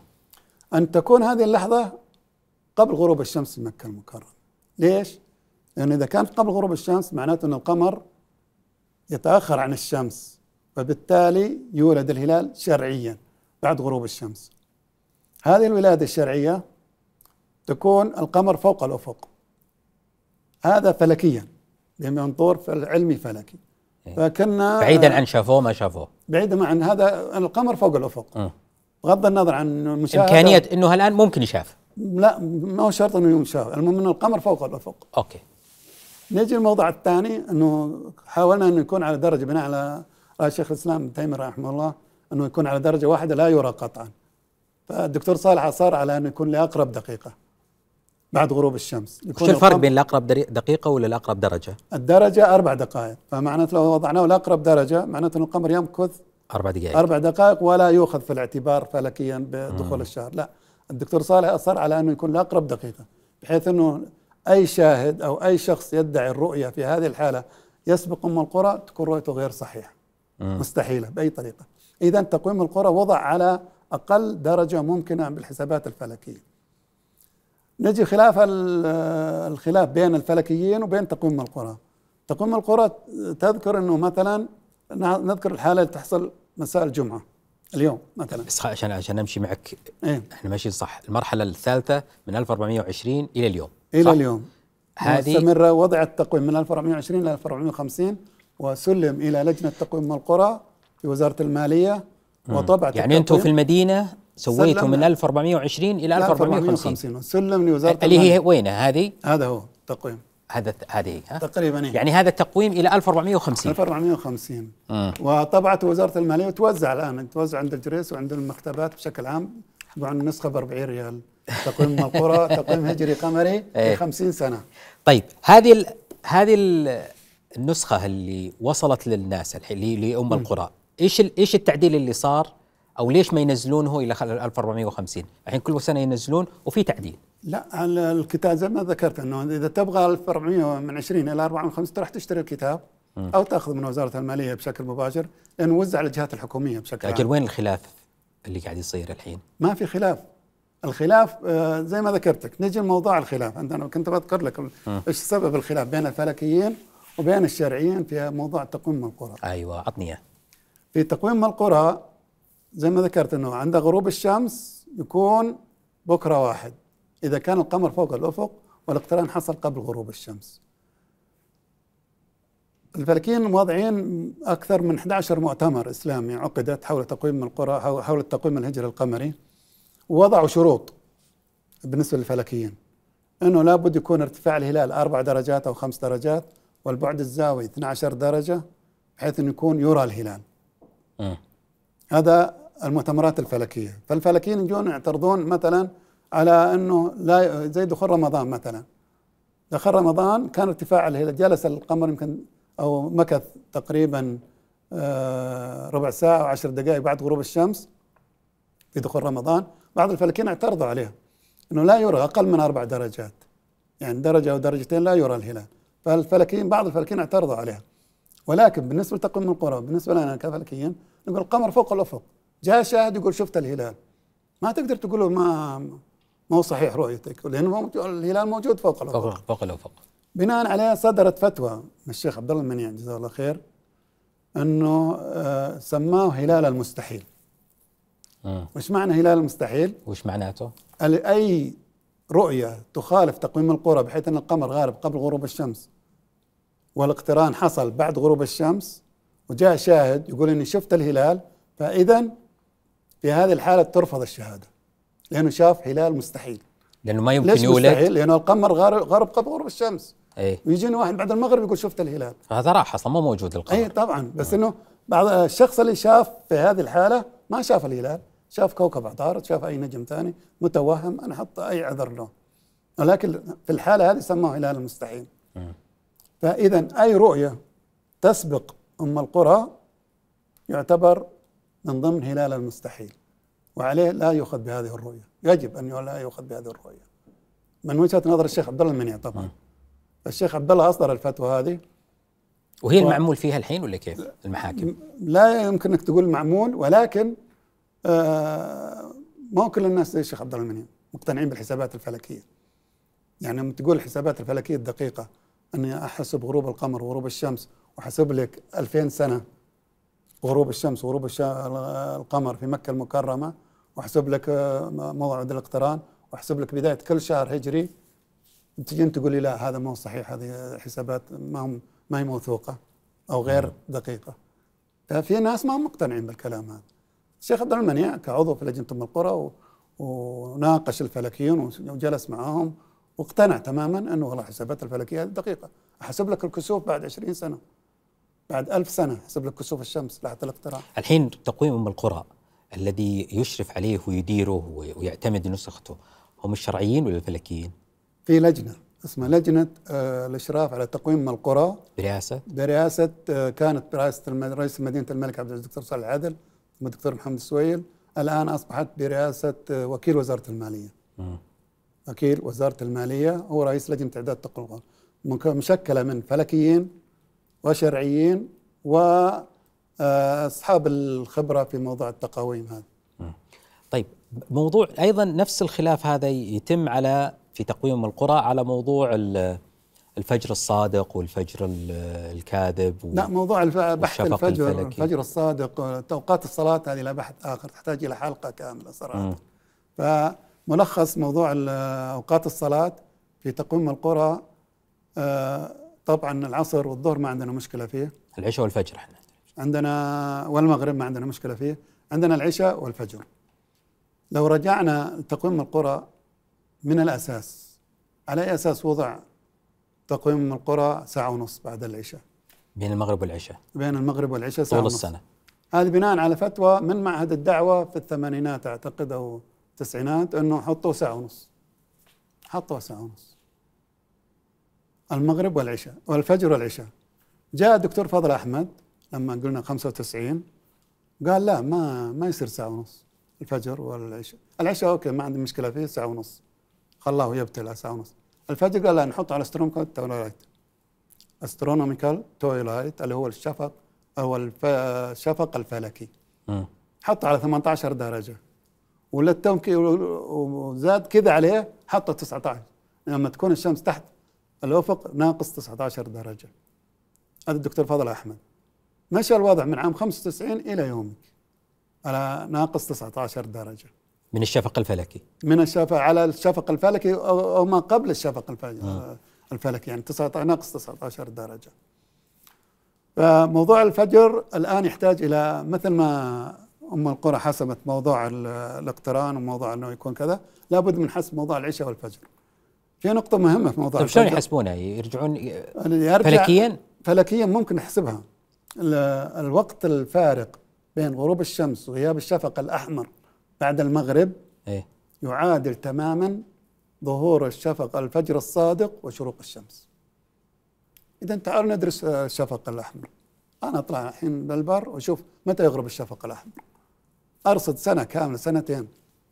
متى يغرب الشفق الأحمر بعد المغرب؟ خل موضوع الفجر. إذا ضبطنا ما بين المغرب والعشاء الشفق الأحمر غياب الشفق الأحمر نضبط على ضوء الفجر. نعرف كم درجة كم دقيقة يمكث بعد غروب الشمس يغيب الشفق الأحمر؟ من خلال ال- غياب الشفق الأحمر بالدرجات. طيب وش علاقته بالفجر؟ نفس الوقت. ميزان. من لحظة غروب الشمس من لحظة طبعا أنا أقول لك حاجة من لحظة غروب الشمس إلى غياب الشفق يعاد قلت- إيه، يعادل تماما ظهور الفجر الصادق إلى شروق الشمس. آه. حالة عكسية. يعني هذا آه هذا الوقت آه، من غروب الشمس إلى غياب الشفق هو نفس الوقت اللي بين من الفجر الصادق من الفجر الصادق الشمس. وشروق الشمس. بالضبط. بس إحنا الآن ما حسبنا لا الشفق الأحمر احسب واحدة منهم وحطها بالثاني. وطبقها على الثاني. هذه دراسة. أو أنك تروح للمكان بعيد جدا لمدة سنة أو سنتين. وتشوف الفجر الصادق. تشوف الفجر الصادق. متى يظهر الفجر الصادق؟ وتحسب الفارق الزمني بين ظهور الفجر الصادق وشروق الشمس. وبالتالي تعرف الفارق الزمني بين شروق الشمس والفجر الصادق إنما أم القرى لم توضع على دراسات فلكية. 19 درجة اقتراح من الدكتور فضل ومشت الأمور على طيب على موضوع يخص آه، والعشاء زي ما قلنا بناء على اقتراح مع معهد الدعوة بدون أي دراسات. إيه، اتضحت هذه. بك اليوم يوم 28 ليلة 29 بكرة إن شاء الله الناس حتروح تشوف ال- هلال رمضان من زاوية فلكية. ماذا يقول عبد العزيز الشمري هل سيرى هلال رمضان غدا أو لا؟ وما هي احتمالية رؤيته؟ آه، طبعا بالنسبة ليوم مساء يوم الجمعة بإذن الله اول شيء ناخذ شروط أم القرى. ام الحين آه، بكرة 29 يوم السبت 30 ليش أم القرى وضعت يوم السبت 30 لأنه لم يتحقق الشرطين الأساسيين اللي إحنا ذكرناها اولا الاقتران حيحصل الساعة 8 بالليل بعد غروب الشمس. يعني مركز الأرض والشمس والقمر سيولد سي- الهلال. الساعة بعد الساعة 8 بعد غروب الشمس الساعة في 8. مكة المكرمة. معي؟ إيه. وبالتالي؟ بالتالي وفي الشرط الثاني؟ الشرط الثاني القمر يغرب قبل غروب الشمس فلكيا بحوالي ربع ساعة أو ع- 20 دقيقة فلكيا. يغرب قبل غروب الشمس غدا. فلم يتحقق الشرطين في أم القرى. عشان كذا أم القرى وضعت آه، السبت تكملة الشهر 30 ويوم الأحد واحد. فإذا الشرطين أسي- أي شخص يعني يشكك في الحسابات الفلكية ما بكرة بكرة. بكرة هو بكرة نقول لك يعني. أنا أتكلم عن بكرة. أنا ماذا سي أتكلم عن بكرة أنا أقول لك اللي فهمته منك؟ فلكيا إيه. القمر يغرب قبل غروب الشمس بكرة والاقتران يحصل بعد غروب الشمس فما في قمر. يعني على كلامك يستحيل رؤية الهلال غدا. إلا واحد بيشوف كوكب آخر نجم آخر أنا أتكلم عن. القمر. القمر ما في قمر بعد غروب الشمس بكرة بأي وسيلة كانت. الكرة الأرضية كلها بكرة. الكرة الأرضية على بعد. الكرة الأرضية مو بس المملكة غدا بعد غروب الشمس يعني رمضان بإذن الله برأيك 30 يوم. بإذن الله إنه آه، يوم الأحد حيكون عيد في جميع الدول الإسلامية تقريبا هذه من الحالات النادرة على فكرة مم. المشكلة اللي حنواجهها متى؟ إنه يوم العيد ليش المشكلة؟ بعد المغرب طبعا الاقتران حصل متى؟ الساعة 8 بالليل الساعة 8 يوم الجمعة. إيه لا ما ليلة العيد يوم العيد يوم ثلاث يوم 29 يوم 29 صحيح. يوم الجمعة ويوم السبت ولين بعد المغرب اللي هو يوم السبت وبعد المغرب يوم الأحد. شو بيصير؟ يصير الهلال فوق يوم الأحد ليلة الاثنين. بيصير رفيع. رفيع. آه غلطتوني الفلكيين شوف الهلال هذا هلال ثالث أو رابع. ما له علاقة رفع القمر لا وارتفاع. لا عبرة بمواقعنا شو اسمه بالنسبة للقمر لا عبرة بمنازل القمر. ما هو دليل ما هو بدليل. يعني ممكن هذا يكون يعتمد. على لحظة الاقتران زي ما قلنا. هل حصلت اليوم الظهر ولا بعد قبله بيومين؟ فبالتالي يوم الأحد بالليل يشوفون الهلال كل الناس واضح. رفيع. رفيع. أوه هذا هلال ثاني وثالث على طبعا على إيه. هلال متعودين عليه في السابق 30 سنة الماضية. وبالتالي أنت تقول استحالة إنه يرى الهلال بكرة بسبب بشر بسبب؟ شرطين شرطين مقرر. الأول الاقتران يحصل بعد غروب الشمس. الساعة 8 بالليل. 8 بالليل. معناته إنه ما حصلت الولادة الفلكية قبل غروب الشمس. والقمر في هذه الحالة يغرب قبل غروب الشمس بعشر دقائق. مكة مثلا. طبعا يختلف غروب من مكان لمكان آخر. طيب في نفس السياق اللي هذه هذه الأجواء أريد أن أرى معك أيضا مقطع آخر ونتحدث آه، أو قبل قبل ما نروح لهذه. الحين موضوع المراصد ال- الناس قاعد الحين بكرة على 29 يبي يشوفون آه، في مراصد آه، الأهلة، إيش الفرق بين مراصد الأهلة اللي موجودة اليوم في ستير وفي تمير وفي القصيم وفي حايل وفي مكة وفي أماكن كثيرة وبين المراصد الفلكية؟ آه، طبعا بالنسبة للمراصد الفلكية آه، تشكل أنا أعود مرة أخرى لموضوع الفلك على مستوى المملكة بشكل عام. تعطيني فرصة يعني. تفضل. فموضوع الفلك في المملكة بدأ تقريبا في التسعينات عندما أسس أو أنشأ قسم الفلك كلية العلوم جامعة الملك سعود. وكانت آه، أول دفعة عام 1400 هجري من الفلكيين السعوديين. وأيضا قسم الفلك في جامعة الملك عبد العزيز. هؤلاء هم نواة للعلماء الفلك على مستوى المملكة. ولله الحمد معظم الطلبة اللي تخرج في ذلك الوقت وما بعدها من دفعات أصبحوا الآن دكاترة وحملوا ماجستير ودكتوراه فمعظم المراكز العلمية الآن في مدينة الملك عبد العزيز أو في قسم الفلك جامعة الملك سعود أو جامعة الملك عبد العزيز ويعني نبغ مجموعة من الدكاترة ومن الأخصائيين المختصين في على مستوى المملكة ولله الحمد فبالتالي أيضا إنشاء المركز الوطني آه، أو المركز مدينة الملك عبد العزيز والمركز الوطني للفلك آه، كان في أو لا زال في الله الحمد في مجموعة كبيرة جدا من المختصين في مجال علم الفلك. آه، بدأت فكرة المراصد الفلكية عام 1404 إنه أو قبل ذلك كان في فكرة عام 399 هجرية عقد مؤتمر قمة إسلامي. وأصدر المؤتمر توصية على أن إنشاء مرصد فلكي بالمملكة العربية السعودية بتكلفة مليار ريال. ووكلت مهمة إنشاء هذا المرصد إلى المركز الوطني للعلوم والتكنولوجيا ذيك الأيام. كان رئيس الدكتور رضا عبيد. الدكتور رضا عبيد آه، حول الموضوع وجاب شركة أو معهد أبحاث من كندا أساس اختيار مواقع مناسبة للمرصد الفلكي الكبير اللي هو مليار ريال. البحث مركز البحث الفلكي اختاروا أربع مواقع واحد بالنماص وواحد بالحريق وواحد حداد بني مالك. واثنين بالنماص فر- بالفرعة والخضراء واحد بحداد بني مالك وواحد بالحريق ليش اختيار المواقع؟ المواقع إنهم قالوا انها مناطق مرتفعة على أساس ارتفاع الجبال وانها تكون بعيدة عن مراصد عن منا- مناطق ال- الاضاءه والأشياء هذه. على أساس انه الدراسة استمرت أكثر من عشر سنوات في ذلك الوقت ولم تطلع بنتيجة. كان من ضمن ال- المواقع موقع آه، مرصد النمص في عام 1404 الكل يعرف قصة آه، أن فطرنا 28 يوم. يعني فطرنا يوم غرة 1404 آه، أعلن دخول رمضان يوم 28 ليلة 29 وعلى أنه شوهد الهلال؟ طبعا ذيك الليلة كنا في مرصد النماص. كان عندي رئيس المحكمة محكمة النماص. فكان القمر آه، شو اسمه؟ غرب قبل غروب الشمس بنص ساعة. في النهاية الفجر قالوا شافوا الهلال. يعني غارب قبل غروب الشمس. هذا الكلام قبل اعتماد تقويم القرى على مكة المكرمة. آه، رجعنا وبحثنا عن الموضوع طلع أن الشهود شايفين كوكب عطارد وليس الهلال.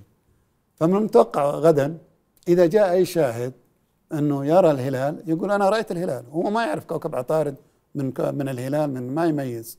فقد يأتي شاهد. ولكن آه، نرجع للأخذ برأي الشيخ عبد الله المنير الله يستر عليه يطولنا بعمره إن شاء الله أنه هلال مستحيل إذا كان القمر يحصل بعد غروب الشمس يغرب قبل غروب الشمس والاقتران يحصل بعد غروب الشمس المفروض ما يؤخذ بالروح. طيب هذه الحين المراصد أنا قلت لك المراصد الموجودة. المراصد لن ترى الهلال لن ترى الهلال. اي يعني هم قاعدين ما يقدرون يشوفون الهلال في المحاق. إيش معنى الهلال في المحاق؟ شدة إضاءة القمر صفر. أنت إيش رأيك بجودة وكفاءة المراصد الأهلة ما أتكلم عن المراصد الفلكية المراصد هذه اللي موجودة في تمير كلها كلها المراصد الفلكية هي واحدة سواء بالأهلة وغير الأهلة اللي يشاهدونها غير الفلكيين اللي يشاهدون غير الفلكيين الآن طلعت تقنية حديثة م.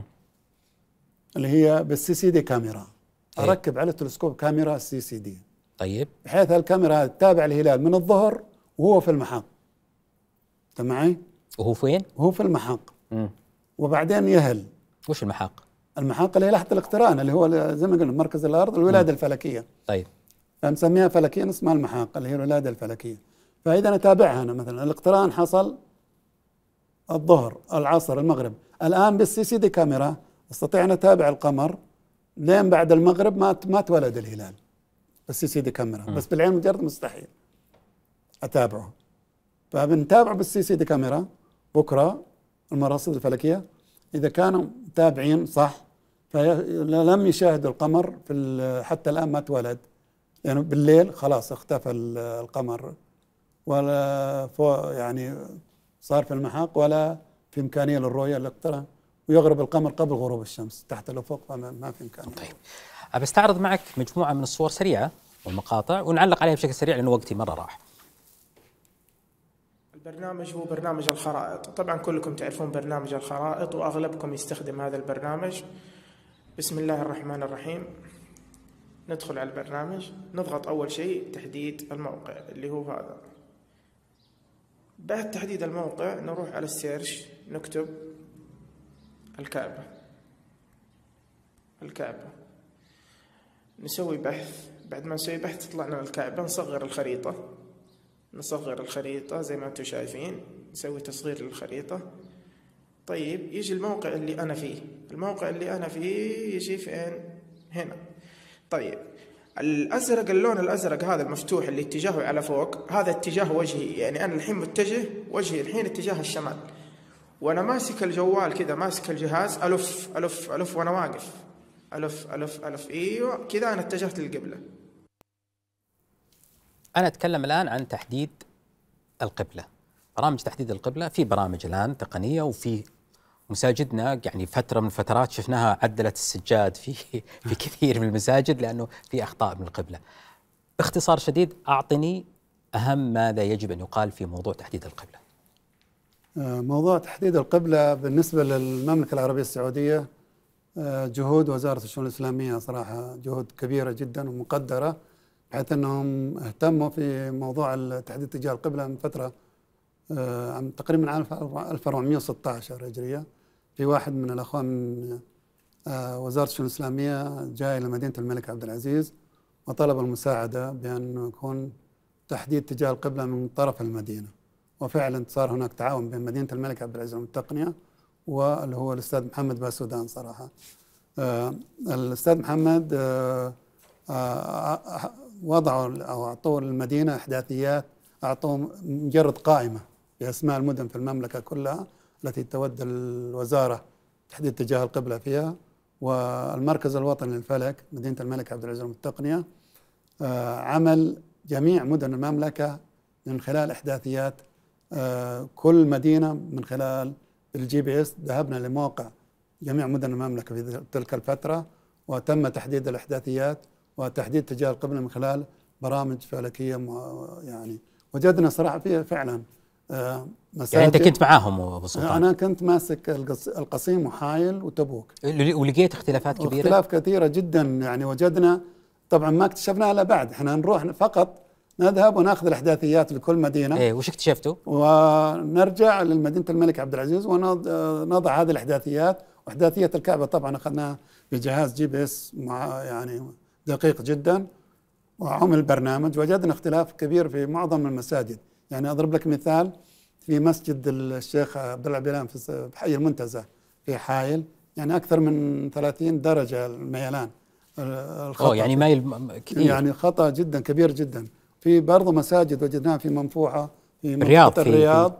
آه، قديمة جدا آه، أيضا فيها اختلاف كبير جدا ليش كان. ليش كانوا يخطون الناس قبل؟ كيف كانوا يحددون طبعا القبلة؟ بالنسبة للاختلاف اللي حاصل آه، في القديم اللي هو مسار الشمس خلال سنة كاملة في الأفق الغربي أو في الأفق على حسب الأفق المدينة والموقع اللي هي فيه فبالتالي الموقع بالنسبة للرياض يعني في الاعتدال الربيعي والاعتدال الخريفي في شهر مارس وشهر سبتمبر يكون الغرب تماما. في شهر يونيو يكون الغرب على جهة الحريملة والعيينة. بينما في شهر آه، آه، ديسمبر يكون الغرب تقريبا على جهة الشفا وجهة ال- الحائر تقريبا. الفارق الزمني بين الحائر وحريملة هذا كله يعتبر قبلة. فالوقت اللي يحددون فيه على الغرب هو آه مشكلتهم إنه يحددون على الغرب على الغرب والغرب يعني زي. زي الجامع اللي أنت تحدثت فيه. الميال إلى أي حد مايل الجامع البيلان ده؟ مثلا نقول كان القضية يعني مو المكة مثلا اتجاه فني. لا مكة بالنسبة لمسجد العبيلان إنه حطه على الشارع الشارع أيوة. كذا ماشي باتجاه معين والمهندس اللي وضعه بدون أي مرجع reference يكون آه، يحدد يعني ولا جهة مكة يعني ولا هو يم جهة مكة ابدا متجه جهة اليسار مرة القصيم يعني على القصير على بريد طيب. البرامج هذه الموجودة في برامج كثيرة للقبلة تحديد القبلة يركبونها الناس في جوالاتهم أو يستخدم Google Map. دقيقة هذه الأجهزة أو البرامج نستخدمها عادي؟ طبعا القبلة بالنسبة للقبلة ترى على فكرة إنه في مجال يعني ما بين المشرق والمغرب يعتبر الحين قبلة. في أجهزة. ولكن ما دام الأجهزة هذه معك دقيقة دقيقه, دقيقة جدا. البرامج يعطيك دايركت الموجودة برامج القبلة كثيرة. كلها معظمها تقريبا. آه تحدد القبلة بدقة متناهية جدا. طيب. خليني أنتقل لك إلى نقطة أخرى على السريع.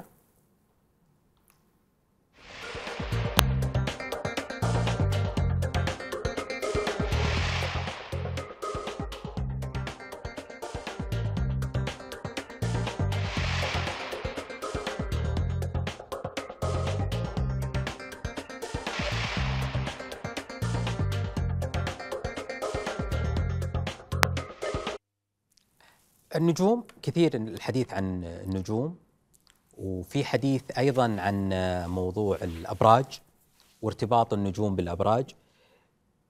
آه، في بعضهم يقول لك والله ال- برج برج الأسد والله هذه صفاته. برج العذراء هذه صفاته. وتأثرها على على الإنسان وتغيير الصفات.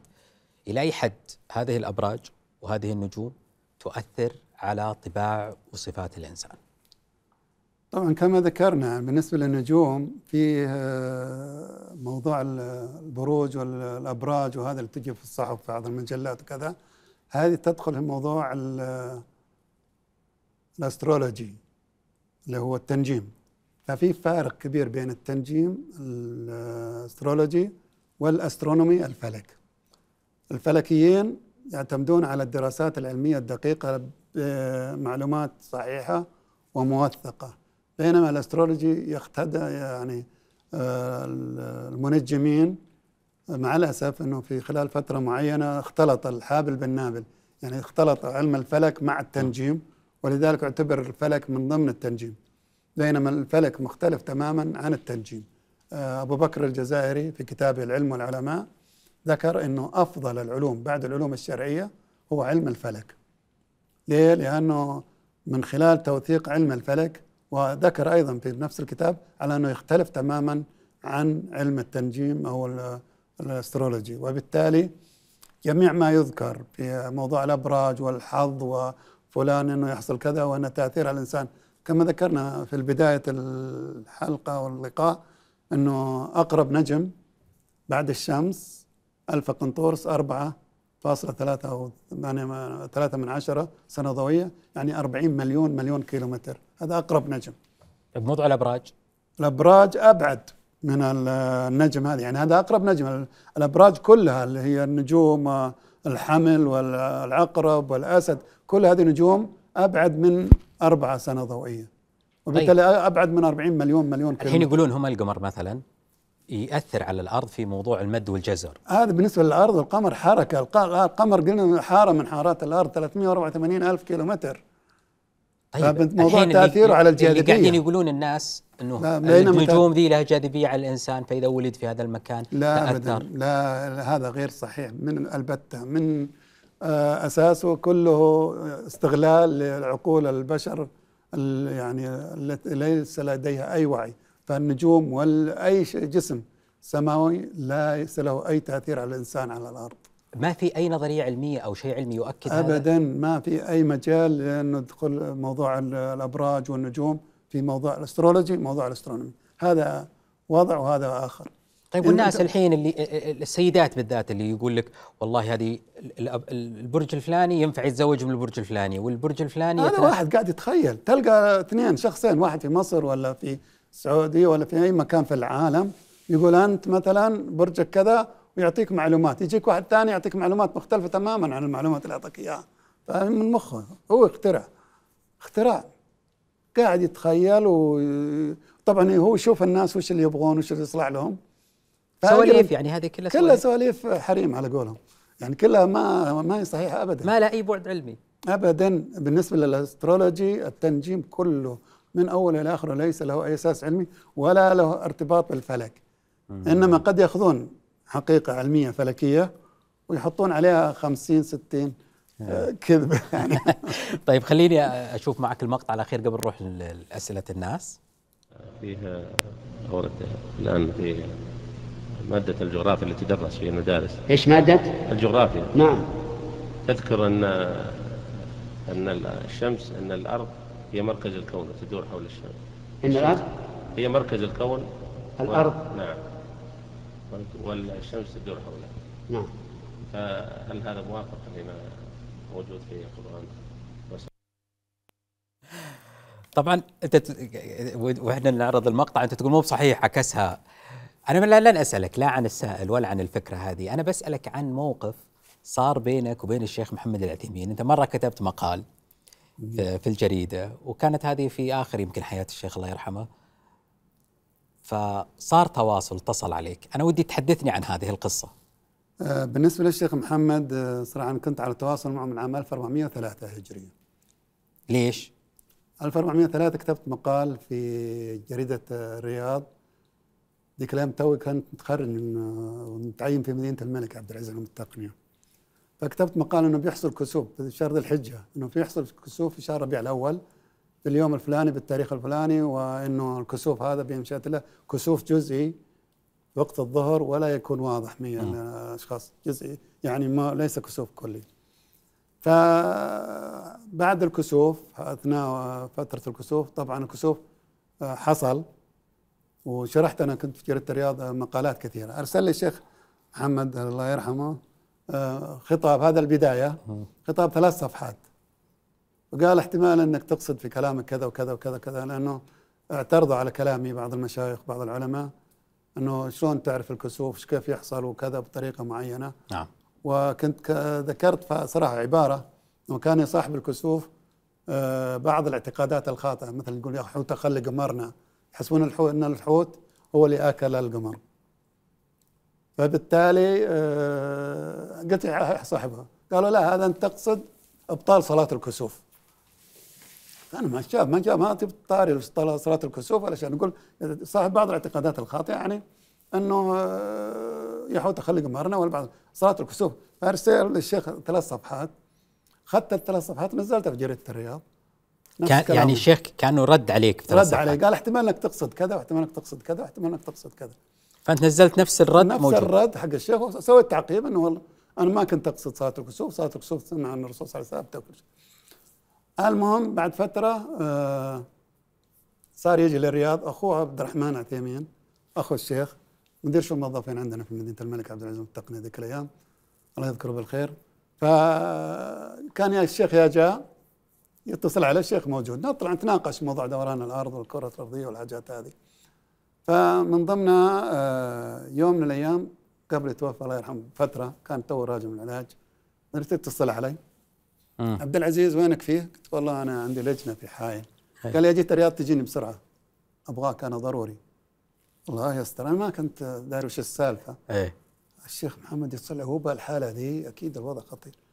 على ما جيت الرياض على طول رحت لأمه في البيت. بيت آه، ولده هناك. لقيته في غرفة جالس وحالته حاله وعيونه تنطط شرر. عبد العزيز شمري. خير. زعلان. زعلان هي صدته الله يرحمه. يعني كان بحاله ما ما وينه الناس؟ وين يعني شوف شوف، بالرغم من المرض وبالرغم من كل شيء كان مهتم في الموضوع. إيه. إيه الله يستر. وش أنت كاتب؟ والله يا شيخ كتاباتي واجد اي بس. قال أنت كتبت شيء في الجريدة. روح قال روح جيب يا ولد جايب الجريدة مصفطها.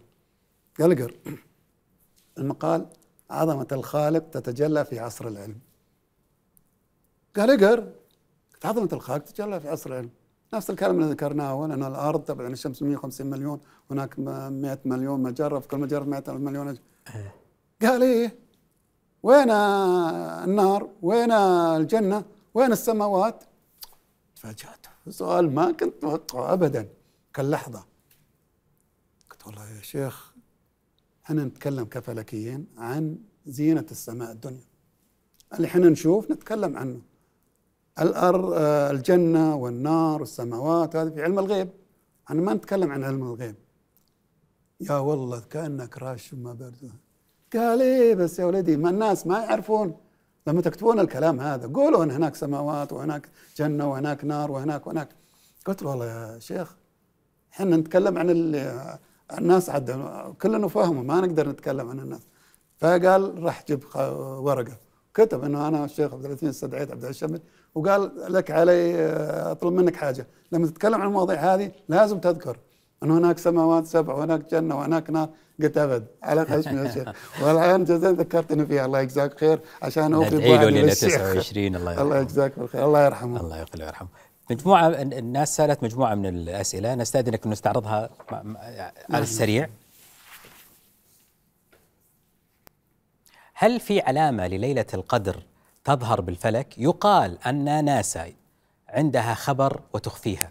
هل فعلا في علامات ممكن أن يرصدها آه، الفلكيون في في علم الفلك؟ وهل وكالة ناسا عندها معلومات عن هذه وتخفيها؟ ليلة القدر آه الرسول صلى الله عليه وسلم ذكر علامات أوضح من ناسا وأي كلام. بالنسبة لناسا لم يصدر عنها أي شيء رسمي. كل اللي طلع عنها ناس تخترع كلام لم يعني يشاهد شيء. ولكن الرسول صلى الله عليه وسلم وضع علامات معينة اللي هي شروق الشمس صبيحة ليلة القدر بدون شعاع. وأنا رصدتها عدة مرات. رصدتها أنت؟ رصدتها ويعني فعلا كانت آه، الشمس بدون شيء تشرق الشمس لين حتى ترتفع في السماء. رصدتها بعينك ولا بالعين مجرد ممكن الواحد يشوفها أي واحد يرصدها. ولذلك السنة هذه رصدتها؟ السنة هذه ما رصدتها صراحة. ما رصدتها بينما رصدت لعدة سنوات ولا أستطيع أن أجزم صراحة. وهل كانت الغالب في 27 ولا كانت تتنقل؟ ما أقدر أجزم حتى الآن لأنه تحتاج إلى في, في, في اللي راحت. حتى اللي في راحه ما أقدر أجزم إنه لأنه تحتاج لو وجدت إنها تختلف صراحة. مم. لكن وما ناسا تتوقع أنهم يستطيعون ولا ما لا يستطيعون؟ لا أعتقد. مم. إلا قد يكون إنهم من رصدهم من خلال الأقمار الصناعية أو من خلال شيء معين إنه الأفق مثلا آه، يكون زي ما ذكر إن اللي غطوا الشمس. أكيد قد تكت- تكتشف أخرى. اشياء ما طيب نعرف. خليني أستعرض معك تغريدة أخرى. آه، كادي تقول ما هو السبب؟ ما هو سبب إن الهلال لا يشاهد إلا في منطقتي تمير وسدير؟ هل طبيعة الأرض مختلفة؟ ليش؟ أنت قبل شوي تقول النماص وتقول لي مناطق مرتفعة. ليش سدير وتمير هي اللي غالبا بالنسبة لموضوع الهلال زي ما ذكرت لك أنا نختصر الموضوع بشروط أم القرى. إذا كان القمر تحت الافق ففي هذه الحال سواء في سدير أو في تمير تعتبر رؤيتهم غير صحيحة. إذا كان فوق الافق ففي هذه الحاله نعتبرها صحيحة. بس هذا الموضوع. لكن المكان نفسه له ميزة؟ ما له ميزة. ميزة الأشخاص الموجودين. آه الميزة مش في المكان في بدون ما الاشخاص أذكر اسماء آه. أشخاص المكان ما, ما له أي ميزة. ولا ك- أي مكان على الكره الارضيه ما له ميزة. إنما على فكرة آه، شهادة الرؤية كانت في مصدة في حائل وفي مصدة وفي آه، الحريق. كان شيخ مشهور شخص مشهور هناك. أنا ما أبغى أذكر اسمه سواء في؟ سدير أو اذكر اللي لأنه ما. أبغى أدخل في متاهات إنه آه، الشخص الفلاني رأى وفلان ما رأى، إحنا نتكلم عن رؤية للهلال. آه، لا يوجد ميزة للسدير واللي قبلها كانت في الحريق ولا يوجد ما يعني راحت الميزه في الأشخاص وليست. ميزة في ال في ال- الأشخاص فلان وفلان وفلان. واضح. يعني لو لا قدر الله راحوا الأشخاص تنتهي الميزة. زي ما انتهت في الحريق زي ما انتهت في مصدة في القويعيه وزي ما انتهت في حايل برضه ال 1404 خمسة شافوه. كلهم شايفين عطارد. يعني. طيب خليني أشوف معك أيضا تغريدة ثانية. ما الفرق بين التوقيت الزوالي والتوقيت الغروبي؟ آه التوقيت الزوالي والتوقيت الغروبي. التوقيت الغروبي على غروب الشمس. كل يوم تغرب الشمس في معين ويوقتون الساعة ال- الأولين يغيرون ساعاتهم إيه. على غروب الشمس. فكل يوم يتغير بدقيقة أو دقيقتين من يوم بنفس المكان من مكان هذا التوقيت الغروبي. التوقيت الزوالي على لحظة الزوال في آه، الظهر في توقيت معين ساعة معينة ثابت. الحين ساعاتنا الحين على ساعات الساعات الآن زوالية. زوالية كلها تغيرت. تقريبا قبل 30 سنة 40 سنة كان على الساعة كانوا الناس يغيرون؟ ساعاتهم يسمونها ساعة الصليب. الأولين يغيرون الساعة بالدقيقة حتى المذل ليش يسمونها ساعة المصليب؟ لأن جت الساعة فيها شكل صليب. إيه. يسمونها ساعة صليب. الساعات كانت على الغروب.